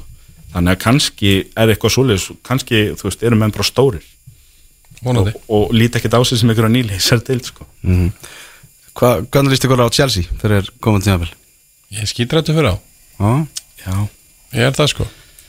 Sko ég var ég var svolítið neikvæður fyrir þessu svo heyrði ég góða útskynningu í vikunni af því að þetta náttúrulega þeir eru í þessum erfiða fasa þar sem að Todd Bowley er búin að kaupa félagið og hann er að koma fyrir strúttu núna er síðustu fréttir að hann sé að tala við hérna Michael Edwards sem var hjá Liverpool og, og hérna vilja fá hann sem yfirmann knaspunumáli hjá sér og, og þannig að strútturinn til þess að finna leikmenn og annað er ekki alveg til staðar hann er búin að taka þetta svolítið bara sjálfur á kassan Já, hann er búin að taka þetta á kassan og það sem hann virðist að vera að gera var rosa góð ábending er, hann, er eins og hann sé búin að fylgjast með öðrum liðum og svo er hann alltaf að stökkvinni og stela Já, dílum. Já, hann er svolítið það þar. er svona Arsenal er að reyna við að finja og þá, þá kemur hann og reynir að stela því og City er að reyna við kúkureyla og þá er kemur hann að stela því. sko. Og, og hérna, og þú veist, í rauninni einu nöfnin sem að þeir hafa fengið sem að engin annar var kannski endilega að reyna þeir voru Kúlibali og Störling og þú þetta ekki að vera einhver atvinnu njóstnari til að þekka þá sko, Nei, nei. og vita að það séu gæðamenn Já, já. en hann verðist líka vera þú veist og nú er þeir alveg svolítið að yfirbjóða til að reyna að fá Vesli Fofana frá Lester sem að mun væntalega takast því að hann er greinlega bara að henda peningum í þetta Já. hann situr örgulega heimsmið þar fyrir varnamann hann, ég held að síðustu frétti bara hann í labba einn inn var að, að hérna, Lester voru að neyta 70 miljón punda tilbúi það þannig að hann fyrir örgulega bara upp í 80 þá er Harry Maguire sloppin fyrir hotn í bíli með, með þann millusteinum hálsin Já. en hérna þannig að hann ætla bara og, og það er kannski eitthvað sem að mun skila en svona þú veist góðum leikmönnum og góður breyt en svo held ég að skilabúðin séu bara og svo bara veltur á Thomas Tuchel að blanda þessu saman. En fyrir mér þá eru þeir ekki ennþá búin að gera það sem þeir þurfa mest af öllu og það er er ætlar að að skora 10 pluss mörk í þessu lið Já, Werner er ekkert að að skora 10 En er hann, er hann farin? Hann Nei, hann er alveg örglega á leiðin á láni held ég bara heim til Leipzig Já, segja þeir já Kai Havertz, hvað skora hann áttamörk í deildinni fyrir Já, það? þú veist, þeir, og, og, og ég bara eins og þeir eru að eyða Mhm. að þá myndi ég halda að það sé eitthvað stórt á leiðinni þar Það lítur eiginlega Þa, að vera þar, eru, þar eru menn að fara að bjóði eitthvað sem að við kannski sjáum ekki alveg núna og svo allt í einu eru menn bara farnir að reyna að fá ég veit ekki, Thomas Muller eða eitthvað sko, eitthvað sem að Já. grunar þannig að ég, það verður kannski svolítið áhu- áhugavert sjá hvað þeir gera og hvernig þeir reyna að fá þeir menn hafa nú verið að tala um Barcelona menn að Barcelona náttúrulega eru eins og þeir eru þeir eru að reyna að losa launaskránni og þeir hafa búið Chelsea bæði Aubameyang og Memphis Depay. Já, þannig að spurning hvort það er þú, þú gerir eitthvað svolítið, gerir eitthvað klikka og takið þá báða bara jafnvel eða eitthvað sko. já. Já, ég get alveg séð á Bami á getan hann sko. Taka smá Adebayor á þetta og slæta á það er það Newcastle er að, að fara að mæta hérna nýliðum Nottingham Forest núna klukkan 2 og skoðum bara byrjunarliði hjá Newcastle fyrir, fyrir þennan leik Nick Pope komin í, í markið Já. svo er þetta Trippier og Target sem eru bakverðir Fabian Sier og, og Dan Byrne miðverðir Bruno Guimares, Joe Willock og Mikael Almiron á miðjunni Alan St. Maximin, Callum Wilson og Joey Linton í, í framlýninni maður bjóst nú við því að Newcastle er þeir miklu, miklu, miklu breyttara Já. þegar nýtt tímabil fær á stað. Þetta, þetta er ég, þetta er alls ekki, þetta er óvæntasta sömarið í deildinni fyrir mér. Ég held sér sammála því. Fyrir fyrstu umferð að horfa á þetta lið og ég, ég hugsa með mér, ég myndi vilja ég, ég myndi vilja sjá miðvörð í þetta lið. Ég myndi vilja sjá allavega einn ef ekki tvo miðmenn og, og þeir eru ennþá að leita sér að stræ, strækjum -hmm. og fyrir utan það að maður held að þeir myndi bara kaupa tvo í alla stöður og þú veist, vera bara breytt bara og, kaupa allan heiminn sko. þú veist, hérna þarna er kannski bara eitthvað meira á leiðinni og ágústmánuður er ekki búinn en en ef þetta er stað þá er ég mjög hissa sko, því að Já. þetta, var klubbun sem eitti mest öllum, mest allra í Evrópu í janúarglökanum heldur sér svo uppi og gerði það náttúrulega bara fyrir eitthvað þægilega í lokin og ætla sér að vera stórir og ég, maður gerði bara einhvern veginn ráð fyrir þetta að vera lið sem að myndi bara svona sveifla sér upp í Evrópu barátuna, vera kannski á svipu level og vestam eða cirka þar í vetur. Hérna eins og vestam hafa verið sístu mm árin. Og það er því svona næsta skref upp á við fyrir þá og en já, ég held að myndu nýta hann að glugga betur ég veit ekki alveg hvað er að gerast þarna Já, Ég- þeir, eru eitthvað miklu bara svona jarpundnari heldur en maður Já. veginn var að búast við sko. Ég er samt alveg líka smá hrifin að þessu að þið sé ekki bara að henda 40 miljónum í eitthvað uh, sem að er kannski orðin 33 ára og að því hann er nafn og eitthvað svona já, já, já, það sem þeir hafa verið að sækja virðist vera mjög sniðut Já. og, hungrað, þeir eru svona taktist veist, að sækja eins og Chris Wood og Dan Byrne. Veist, þeir bara lásu deildin og segir bara við þurfum leikmenn sem að eru bara, Bara proven. þekkja þetta, veist, bara hafa lappa langoft eða margoft hérna upp á Ísuna þú þarf ekki, þú veist, besta Everest rocklæmirinn til þess að vara með upp á Ísuna bara einhvern þess að ratar upp á Ísju ég ætla að taka þetta bara svolítið í svona prósess og bara svona jamt og þétt að styrkja liðið og jamt og þétt að stíga og klífa í töflunni. Mér, mér, líst alveg ágætlega á það sko. Já, já, og, og eins og ég segi, það sem þeir hafa verið að sækja er alveg gott, ég bara að þeir myndu vera búin að sækja meira. Sammála meira sko þetta er ennþá svolítið viðkvæmt. Ég meina ég er, ég hef oft gert greint fyrir atkvæði mínu hvað Almirón varar til dæmis, ég er ekki mikill Almirón maður. Ég er mikill almennur maður Ég hérna- ég, hérna, ég, ég er svolítið hissað að hann skulle ennþá vera bara starterinn og svo smá láta hlutin að gerast þarna. Það er hann hefur ekkert gert í þá áttina síðustu 2-3 árin. En þú veist, já, ég, ég er hissa ég held að þeir myndu einmitt blanda sér í baráttunum allega, þú veist, ég held að þeir væri pottið að vera að bjóða í Jesse Lingard og já, maður hefði haldið það þú sko. veist, að því að hann var klálega á lausu og reyna jafnvel að, að, að, að berjast við Chelsea um Störling að því að Störling vildi greinlega breyta til og eitthvað svona sko, maður held það. En það, þeir hafa bara verið úr að líti í fréttum. Það er ekki eins og þeir hafa verið að missa bitum. Nei. þeir hafa bara lítið gert. Mhm. Þarna, þetta sem er í gangi á lest er líka áhugavert. Þeir eru bara svona einhvern veginn að jafna bókaldið og selja. Já, þetta var náttúrulega vombriða tíðanbili fyrra og þá kannski verður mann að ho- horfa á Excel-skjalið. Já. segja að ásfjórungurum var ekki eins góður í sölum og við áttum vona á. En hvað græða þær á því að selja langbæsta markmanni sinn fyrir eina miljón til Fraklands Var það bara- eiginlega að vera bara að hann hafi vilja bara að fara. er, er ekki bara komin tilbreytingatími í honum? Ég held að þetta hafi reynlega verið ef ég ætti að gíska í hinna áttina að hann hafi bara bankað Já. dittnar og sagt má ég breyta til? Gæti verið. Já. Með fer hann fullur til- vinningu fyrir til mér langar að komast í miðjar hafsóluna Nákvæmlega, það er bara hérna hann mjög næs í nýs er mjög næst í nýs Þarna Leeds. Við hverjum að búast frá Leeds? Betri enn í fyrra. Veit ekki hvort það verður endilega betra en árið áður. Uh, ég myndi segja að parið hjá Leeds sé bara að vera miðadelt já, uh, þeir geta hæglega svoast aftur niður í fallbártuna ef þetta gengur ekki upp, hann er ekki það er ekki eins og þessi að kaupa, þeir að kaupa leikmenn og þeir eru spennandi, en hann er líka svolítið að veðja á það sem hann þekkir, hann er að sækja leikmenn frá Salzburg og Leipzig og, og, og svo bandaríkjaman og það, veist, það, það er ekkit örugt að þetta gangi upp hjá Jesse Mars og hann er ekkit þjálfari ennþá af þeirri gráðu að maður sé bara eitthvað að segja ég treyst í prósessinu hérna. En, en þannig að þetta getur alveg klikkað sko en, en þetta getur hann- líka orðið bara mjög fínt. Já, ég held að stæsta fyrir hann sé að, að fá Patrick Bamford inn í liðið aftur. Já, já, klálega. Að keppa móti Úlfónum klukkan 2 og, og Bamford leiði línuna í, í þeimleik uh, Manchester United. Já. Já.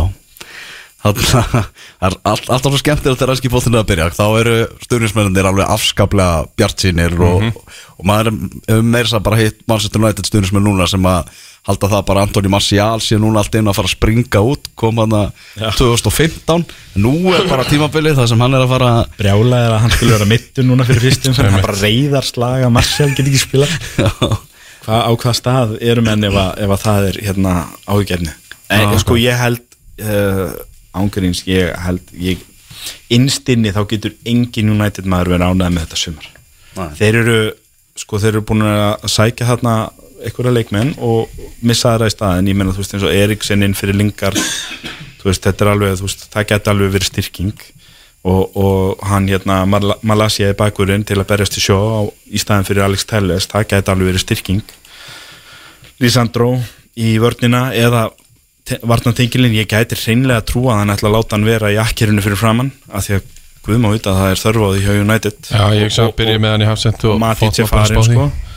Já, þannig að hérna ég veit ekki hvort það er styrking eða ekki sko, hann, þetta er flottu leikmaður en, Mhm. en hann er samt að koma frá Hollandi og þeir hann menn hafa alveg farið flatt áður sko, Já, já. komandi frá Hollandi uh, þú veist, hérna maður eins og Luis Suárez eða Ruth van Nistelrooy eru undantekningarnar leikmenn sem koma og eru jafn góðir í Englandi og eru voru í Hollandi sko. Já. en hérna en þú veist, þá vantar breytt þá vantar meiri gæði í breyttina og ég held bara að þeir myndu vera dugleiri að losa suma þessum leikmennum út eins og kannski Arsenal hafa verið síðustu tvö árin. Einmitt. jafnvel bara lána þá eða leifa maður að fara frjáls þetta er bara, það er ákveðin leikmennina sem eru bara komnir á endastu þeir er allir í alvörun að fara að stað til dæmis með, með hérna með hvað hann heitir, Vampisaka og hinn uh, hæri bakurinn Dalot. Nei, hæri bakurinn Daló Já, Þú veist, Dalot. Þeir ætla að fara að stað með þá í hær Þú veist, þetta eru bara tvei leikmenn sem þurfa að fara frá félaginu og, og hérna og, og Harry Maguire er bara ennþá og, ennþá með fyrirlega bandið. Já, já. og, og hérna og, þeir eru bara ennþá með Fred og McTominay Ronaldo er í fílu og búin að vera bara út á götuhotni með gjallahotni að spyrja hvort ykkur hafa áhuga Og byrja samt fyrsta leik. og samt að byrja fyrsta leik. Það er náttúrulega það góður. Er ennþá þarna. Þeir eiga ekkert annað. Nei, nei. sérstaklega ekki þegar mistari Martial er mittur og hérna þá verðum við bara neðasmenn til að nota Ronaldo og vona að hann sé ekki fílu sem er ekkert víst með hvernig hann lét þarna í þessum æfingarleik fyrir viku. Og, og, og hvað er hugafari í honum ef hann er klálega bara að horfa í það? Hann er náttúrulega að reyna að venda sína legacy að vilja verið mistardeildin og allt það. Ég skil það en mér finnst samt cheap hjá honum að býða fram á mitt sumar með það að ætla allt í hennu að fara að heimta að fá að fara og, og kasta sko þeim klubbi það sem hann er mesta legendið að ætla að kasta því öllu frá sér bara til þess að komast til, þú veist hvað, Napoli eða Atletico Madrid eða eitthvað til að geta veist, skipti það hann meira máli að geta skora áttamörk í mistaratildinni viðbóti vetur og fórna allir þessari arfleði sem að skilja eftir sig á Manchester United sem er klúpur sem dyrkar hann út áur ég, ég skil ekki alveg það ákvörun og hann er náttúrulega búin að koma mjög mjög erfiða stöðu. Því að menn einhvern veginn geng út frá því ég vísu að að það eina sem þeir þyrftu ekki að hafa áhugjur að verða það að þeir eru um heimsklassa nýju Já, en án hans þá voru þetta allt í hennu þund því að Jadon Sancho er spurningamerki eftir síðast tíðanbel og, og Rashford, Martial, ég menna veist þetta er ekkert eins og þetta sé eitthvað örugt þó að þetta séu nöfn og nummer þannig að ég veit ekki alveg hver United eru. Þeir gætu alveg, kannski rýfur Erik Ten Hag þetta í gang en ég myndi telja líklegra að þetta sé gott en gallað hjá honum. Að við sjáum hann er að reyna að þoka liðin í rétt átt, hann er að reyna að setja inn ákveðin aga og, og ákveðina vinnusemi og annað slíkt þarna og koma með nýja taktík. Þeir eru allt í hann að fara að pressa, við sáum svona smá batamerkja á undirbúnstíðanbílinu í pressunni, skipulæginu en hvað þólum að þið hafa menn um leiður tapa svo kannski allt í hennu tveimur í rauðasnæmi í september. Mhm. þú veist, eins og ég segi, gott en gallað og verða menn þá strax á bakinu á Erik Ten Hag. Að því að, að því að hann kannski og, og svo kannski lenda minn í ykkur, þú veist, hugafari og Ronaldo er ekki rétt og hann bekkjar hann í ykkur leik og þeir tapa og hvað þá. Ertu allt í hennu lemtu bara ykkur hallapiltingu þar sem menn eru farin að fella sjálfa sig? Í staðin fyrir að segja bara, eru, lítum í speilin þetta þarnast viðhalds og það gerist ekki auðvitað nóttu og við verðum bara að anda eins og sjá hver staðan er eftir þetta tímabil. Því að það er alveg ljóst að mun taka fleiri glugga en þetta sumar að losa út á leikmenn sem þurfa að losa út. Og það er bara ekki komið, þú veist, byrjum þá til dæmis saman Arsenal, þessi lið voru á sama stað kannski fyrir tveimur árum, fullt af leikmennu sem voru að koma á endastöð með liðin Arsenal fóru bara í þessa vinnu, hún var sásökafull og hún búin að kosta á fullt af peningum en þeir eru bara búin að skópla þessu út sækja unga leikmenn í staðin og ég kannski tala um að vanti breytin í Arsenal en leikmannhópun sem er þar er bara spennandi, með stóru essi. Á United eru ennþá með fullt af gömlum bílum í bílskúrnum og láta sér dreyma samt um að kaupa eitt Porsche og eitt Ferrari og tróða inn í hennan bílskúr. Mm. það er bara vinnan sem er framöndan er og það mun greinilega taka fleiri en þennan sumagluka að losa þessan leikmenn. Og ef það ætlar að fara inn í þetta tíðanbíl og segja ég tristi Anthony Martial og Marcus Rashford og Jadon Sancho og Diogo Dalot og, og Aron Wan-Bissaka og Luke Shaw og Harry Maguire og Scott McTominay og Fred þá bara gott og gangi ykkur vel með það. Í, í fótbolta.net spáni, já, það er mannsendur nötti í fjórðarsætti setti þeir verð ekki nálægt mistardildasætinu mjög þeir Ég- verð ekki nálægt. Ég- ná í Evrópusæti ef að vel gengur og þeir eiga að þakka til hag fyrir það í vor eða náði já, það er bara þannig, það er, þú þarft að vera í alveg brjálaður ef þú horfir á að við erum búin að tala um Tottenham, Arsenal og Chelsea sem eru að eigða eins og óðumenn hérna. Ef við erum að tala um liðin fyrir neðan City og Liverpool. Já, ef við erum að, að horfa þau þrjú og setja Manchester United í samflokk eða jafnvel upp fyrir þau, þá ertu brjálaður. Já, glendi það er bara þannig, En náður einn frengi í það? nei og ná að pína hann til að mæta. Frenki er sko búin að gera eins og Gaurin og Gullisson hérna um páskana, hann er búin að hlekka sig í staurin með, með hérna vírum og læti. En meina, hann neitar að fara en það, það er líklega að hann fari til Chelsea á þessum tíðanbúti Já, en Barcelona verður að gera eitthvað. Þeir get ekki skráni í menn. Já, ringi Todd Bowley hann á peninga. Já. hann er klár. Og hann er sín eigin njósnari útsendar Já, hann er að skrifa sína eigin leikmannskýslur hann er alveg til í það. Tómas Dúkars hann flestir honum upp í fútbolmanager sér hvað er mikið grænt tölunum hjá hann og segir, herru, ég er til í þetta Tómas Dúkars tala um það að Todd Bóli hann sefur ekki. Hann, hann, hann heldur að sé þannig sko. Já, það getur vel verið. Já, þetta er, þetta er rosalegt. En já, er ykkur fleiri sem eru svona líklega til að já, gera sig gildandi þarna í Evrópubaratunni? ég er svolítið hrifin að því sem Vestam hafa gert. Já, Já, ekki meistar deilda lið en ég sé enga ástæð til annars en að þeir séu þarna upp í þessum topp 7-8 pakka Já. eins og hafa verið undarfærið nákvæmlega svo vel að segja gera sér gildandi í Európa baratunni Já, og, og, og ef eitt eða tvö af hinliðunum gefa séns á sér þá, þá hýrða þær Európa deild eða í ykkar meira. Já, uh, Já, ég þú veist, þetta eru Newcastle þetta eru Vestham og svo þessi hefðbundu 6 ef ég ætta að skjóta þá er það topp 8 í ár. Já. Hvað er Evertón á brakina? Þeir verið fallbaratu Frank Lampard er bara fann að vara við fallbaróttu þeir eru að, þeir eru alvörunni búin að veikja liðið ef eitthvað er síðan í vor. Það er náttúrulega klubur sem þurfum að taka til fjárhagslega. Við sáum árseikningarna hjá þeim í vor Já. þetta bara lit hræðil út eftir COVID-tífambilið og, og eftir að ákveðni randýri leikmenn síðan klikkuðu og svona sko. Ég, ég held að þetta verður bara sásugafullt tífambilið hjá Evertón það besta sem ég geta vonast eftir er bara að ná ykkur starf sigla á ykkur stemmingu um meðtelt ég held að ég sé þeir, ekki þeir, fram á neitt annað hjá þeim sko. þeir mæta til dæmis ekki Liverpool eins og Fulham gerir í dag. Þú veist þannig að þetta, þetta verður bara erfitt til lengdar hjá, hjá Evertón sko. En það reyndar er alltaf þannig með Evertón Það eru einu, tvei leikinni sem þú getur bókað Þeir eru góðir hjá þeim Það er hérna báðum það- Já, ég gera það alltaf á vetur. sko. En gæðamunurinn er bara svo rosalega mikill. Já. En eins og í fyrra þá stóð ekki steitni við stein hjá þeim Nema í, á Anfield í vor. Þá allt í náttúrulega rosalega erfitt og Liverpool þurfti að hafa fyrir því. Það, það er bara eins og það er alltaf þar. En nei, ég, Evertón sko Ég myndi nánast veðja bílum og húsina Og þeir verði í neðri hlutanum og, og þeir geta hæglega verið í fallbartu bara í allan vitur sko Já, ég held að verði undir 15 Já. sko. Já, ég líka, þú veist Frank Lampard kom inn í vor og þeir bjarga sér á ótrúlegan hátt þeir vinna ótrúlegan leik hann á móti Newcastle Já. og síðan náður einhvern veginn að hnóða í svona fjögusti í lokin til þess að bjarga sér og náttúrulega fagna því alveg ógulega en það náttúrulega, þú veist, menn voru bara múin að lifa greinlega með þessari martröðu nokkra mánuð að Everton gæti alveg farið niður þannig að þetta var langt þar á þeirri björguð sér Já, en tölfræðilega þá bætti Frank Lampard liðið ekki rétt. þeir voru, að, þeir voru bara veist, XG og allt var bara á niðurleið og þeir voru með færri stíp per leiki eftir að hann tók við og eh, frá því að Rafa Benítez hætti. Veist, þetta, þetta, þetta batnaði ekkert og hann er að tala liði niður núna fyrir, fyrir tímabil. Hann er ekkert hann er ekkert búin að sína okkur hans í þjálfari þeirri, því númeri að þeirri gráðu að auðvitaðmenn geti andað rólega fyrir þetta tímabil. Nei, ég held að þetta sé bara bras framöndan Mm Brentford er spáð falli í .net spáni second season syndrom Já, ég held að sjá getur spá sko. Þeir, þeir eru ekkit svona þetta voru mikið lítsi fyrra sko. Mm -hmm. heldur sér uppi rosa á stemmingunni og einu með tveimur svona óvendur líkilmönnum Tony og Eriksen. Svo kannski er stemmingin ekki svo sama á sísoni 2 og leikmannhópurinn kannski aðeins reittur ef við gerum þetta aftur, það er ekki mikið lendur nýjönda uh, Jú, ég menna við, við höfum verið hrifin að því sem er á gert. Þeir á að fara mjög ódýrt í gegnum þetta að fara þarna upp, hugsa þetta öðru í sér danirnir mikið, mikið að vinna hérna með Excel-skjölin og, oh.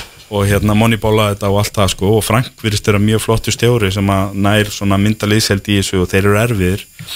En það voru lítið líka í fyrra og þetta fjaraði samt undan þeim og, og liði eins og Brentford búin að missa núna aftur Eriksen sem að í rauninni bara keirði það í gang og bjargaði þeim frá fallbarótti frá um í januar Uh, þeir eru einu meðslum hjá Evan Tóni frá því að bara sökku eins og lóð sko. Já Þeir fóru, þeir tók, þeir tækluðu þetta rosalega vel hérna í Doc Extra á fimmtudaginn, mm. voru búin að heyra það. Já. þá voru þeir að tala um að hérna, svona mitt tímabil þá var þetta farið að verða ansið þungt hjá Brentford þeir hafa byrjað vel.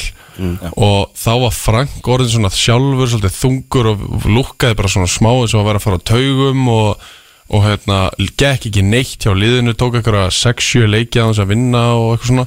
Svo kemur Eriksen inn og þá kemur svona vítamin í liðið. Já. og þá svona gengur betur og þeir ná að sigla ágætlega svona undir lokin.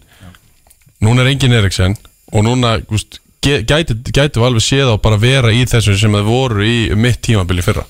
Þú veist, þeir er ekki þeir er ekki nógu gott lið.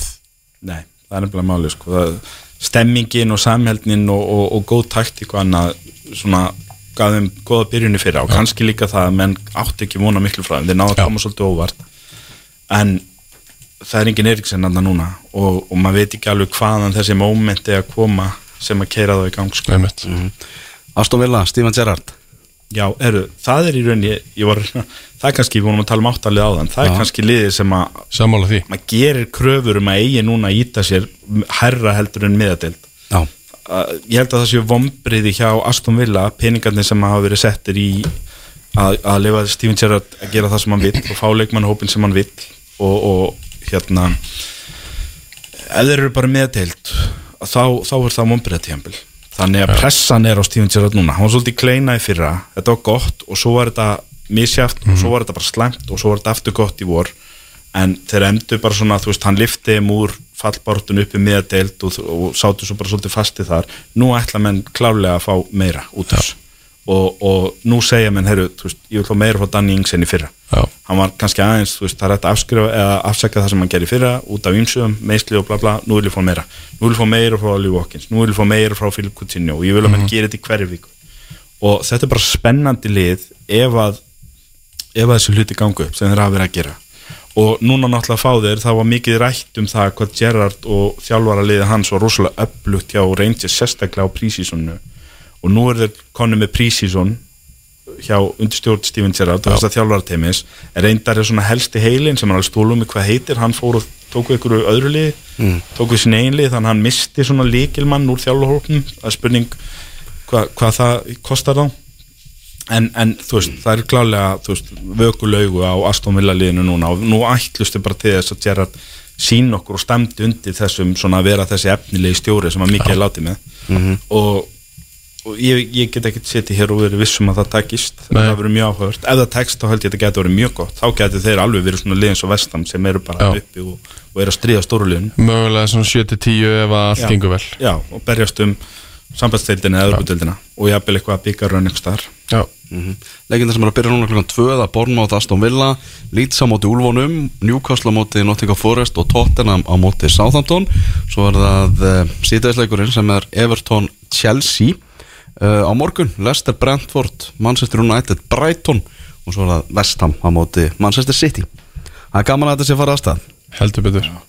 Er veist, þannig. veistla hverja helgi. Uh, Mun svona þetta HM hlje setja, setja eitthvað lit á tildina? Já, það er náttúrulega spurningamerki, það er það sem við vitum ekki. Við höfum aldrei gert þetta áður. Nei. Við höfum aldrei stoppað, við höfum aldrei hort á Europatildina bara stoppa í, í hérna, einn og hálfa mánuði eða hvað er, 40 daga Þannig að það verður gríðarlega áhugavert að sjá, þú veist eins, eins og þú voru að benda á eins og til dæmis með Holland það getur vel verið að hann ströggli eitthvað fram að HM-klí og verið svo bara óður eftir Já, armót, já. það getur alveg gerst skilur, það getur ímislegt gerst að hérna og þetta getur orðið kaplaskiptara en oft áður fyrir vikið, þú veist, það getur vel verið að eitthvað lið verði í ströggli en svo bara, þú veist, eins og til dæmis United, að því við erum að tala um að þeir sé að gera helling og það er nýr þjálfari og svo kannski bara muni Ten Hag nota rosa vel háum tíman og þeir komi bara alveg allt annað lið til leiks á annan jólum, skilur þannig að við vitum ekki hvað það gefur okkur en, annað en það kannski, þú veist, að að það gefur kannski ákveðnum liðum sem að munu kannski þurfa á því að halda og verða kannski hreinlega þú veist það er allir að blóta þessu núna en það verður kannski eitthvað lið fegin við hreinlega að fá þetta frí í hérna eftir tvo halva mánuð eða hvað er. Og nota það rosalega vel og það kannski þú veist gefur okkur þetta kaplaskipta tímabil þar sem við munum kannski sjá eitthvað fjögur, fimm sem að voru góð sem að eru ekki eins góð missa flugið eftir armót og önnu fjögur fara í gang. Meira heldur um um séð hingað. Já, ég held, ég hef svona smá tilfinningu fyrir sig að þetta muni svona hafa meiri áhrif á liðin sem eru kannski átta og niður. Að ef að þau eru að ströggla að þau komi þá á meira flugi eftir þetta Já. og þeir sem eru kannski búin að vera á góðu flugi, á okkur góðu rönni talandi um, þú veist, bara bara eitt eða Aston Villa eða eitthvað svona og svo stoppar í, í 40 daga og það, þeir missi þá dampin Já, þú veist, ef það er eitthvað svona Nottingham Forestur Já. óvænt, óvænt í sjötta sæti þegar að ég- stoppar þá kannski er þeir, það, nei, sko. nei, akkur eru að stoppa og, og verða svo ekki samanlið eftir hlið það er alveg líklegt sko. Já. og náttúrulega í eðli málsins sangkvæmt að þá eru það svo kannski þessi hefbundum stórulið sem að munu náttúrulega missa mest af leikmunum yfir á HM og, og þannig að þetta verður svona slítróttari hjá þeim að, að æfingabúður og hvað sem menn gera til að halda sig heitum á meðan það verður aldrei eins og kannski ég veit ekki fúla með að Nottingham Forest eða, eða Bournemouth geta kannski tekið betri æfingabúður af því að það eru ekki eins margi leikmenn í burtu á HM Hins vegar eru stóru liðin alltaf miklu vanari þessu og leikmenninni þar miklu vanari því að, taka heilt sumar á EM eða heilt sumar á HM og koma svo í stutt prísísson og, og svona þannig og þeir eru í að hérna uh, landsleikja klukkum og, og svona hér og þar. En þetta verði, sé meiri rútína á þessu hjá stóru liðunum. Já, það eru vanari va- vanari, þú veist, klopp er vanari að þú veist, í landsleikilhefum að þá var hann að vinna með 2-3 meita landsleismenn og svo krakkana. Já, þú veist, og, og Pep tenni, líka, já. sko, þú veist, hvað er, Holland er hann eini leikmaðurinn í svona 20 20 manna sko. á síti sem er ekki að fara á háum það er aðra að fara á háum Já. þannig að, þú veist, þetta verður kannski svolítið þannig. Mm Hvað er verið englandsmeistar á Sverri? City. City. Já, Kristján, þú báði Tottenham, eða ekki? Nei, City vinnur þetta. Já ég held að. Ég held, ég, ég, ég bara, þú veist, ég er svolítið þar að Liverpool er búið að gera þetta spennandi síðustu fjóra ár en er samt búin að vinna fjóra síðustu fimm. Já, án Liverpool og Klopp að þá væri þetta ekki búið að vera spennandi deild og þá væri umræðan um deildin allt önnur í dag. En þú veist, ef ég, ef ég á að segja að það verði eitthvað hangover og annarkvort liðið næri ekki þeim standardum sem þeir hafa verið að ná undanfærin ár, þá eru Liverpool alltaf líklega en sitt í ekki að þannig að, veist, ég held þetta sé meira spurningin um það hversu lengi getur Liverpool eld sitt já, því að City eru bara þann klubur og, og eða þann peningum og annað, þeir eru þannig uppi. Þannig að ég held að City takið þetta ár. Ég held að þeir takið þetta örugar en hefur oft verið. En, en, en hérna Leopold og Tottenham verða meira svona liðin sem eru tilbúin að taka við því ef það opnast óvæntisins já. Ég spáði Leopold tillunum og ætla að standa við það Trátt verið þessu úslet í átæðisleik Við veitum að þetta er langklöpp Hvað voru City með 198 stig í, í Spáni á? Já, það ekki. 199 eða? Hvort var það? Allir nema þú með City í fyrsta seti Já, það er góð það er punktur sko. Það er hérna 198 stygg Já, það var einhver annar þá líka með City Það hefði verið tónsi eða einhver alveg fárveikur liðbúmaður Það er þú þarft svo sem sko ekki að vera fárveikur til þess að setja í fyrsta sæti í Nei, ég segi svona. En, en það hefur kannski verið einhver einhver stað sem setti Arsenal í fyrsta sæti, ég veit ekki. Já, það er veikt með við þjóðháttíðina einhver mjög Já. gert í þar. Og þessi þjóðatíð er bara rétt að byrja sko. Hún er rétt að byrja. Hún er bara rétt að byrja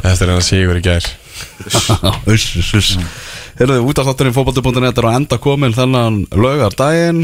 Bara sverið, takk hjá fyrir að að fylla skartó Takk sömuleiðis. Listilega vel. Það kemur það. Og Kristján, alltaf gaman að að fá þig. Takk fyrir. Og við höldum að sjálfsögða áfram með, með fjórðungsuppgjörun okkar Já. Í, í ennskúrasteltinni í vetur. En uh, við þökkum fyrir hlusturina Þátturinn vera sjálfsögðu á sínum stað eh, eftir viku. Þanga til, verið þið sæl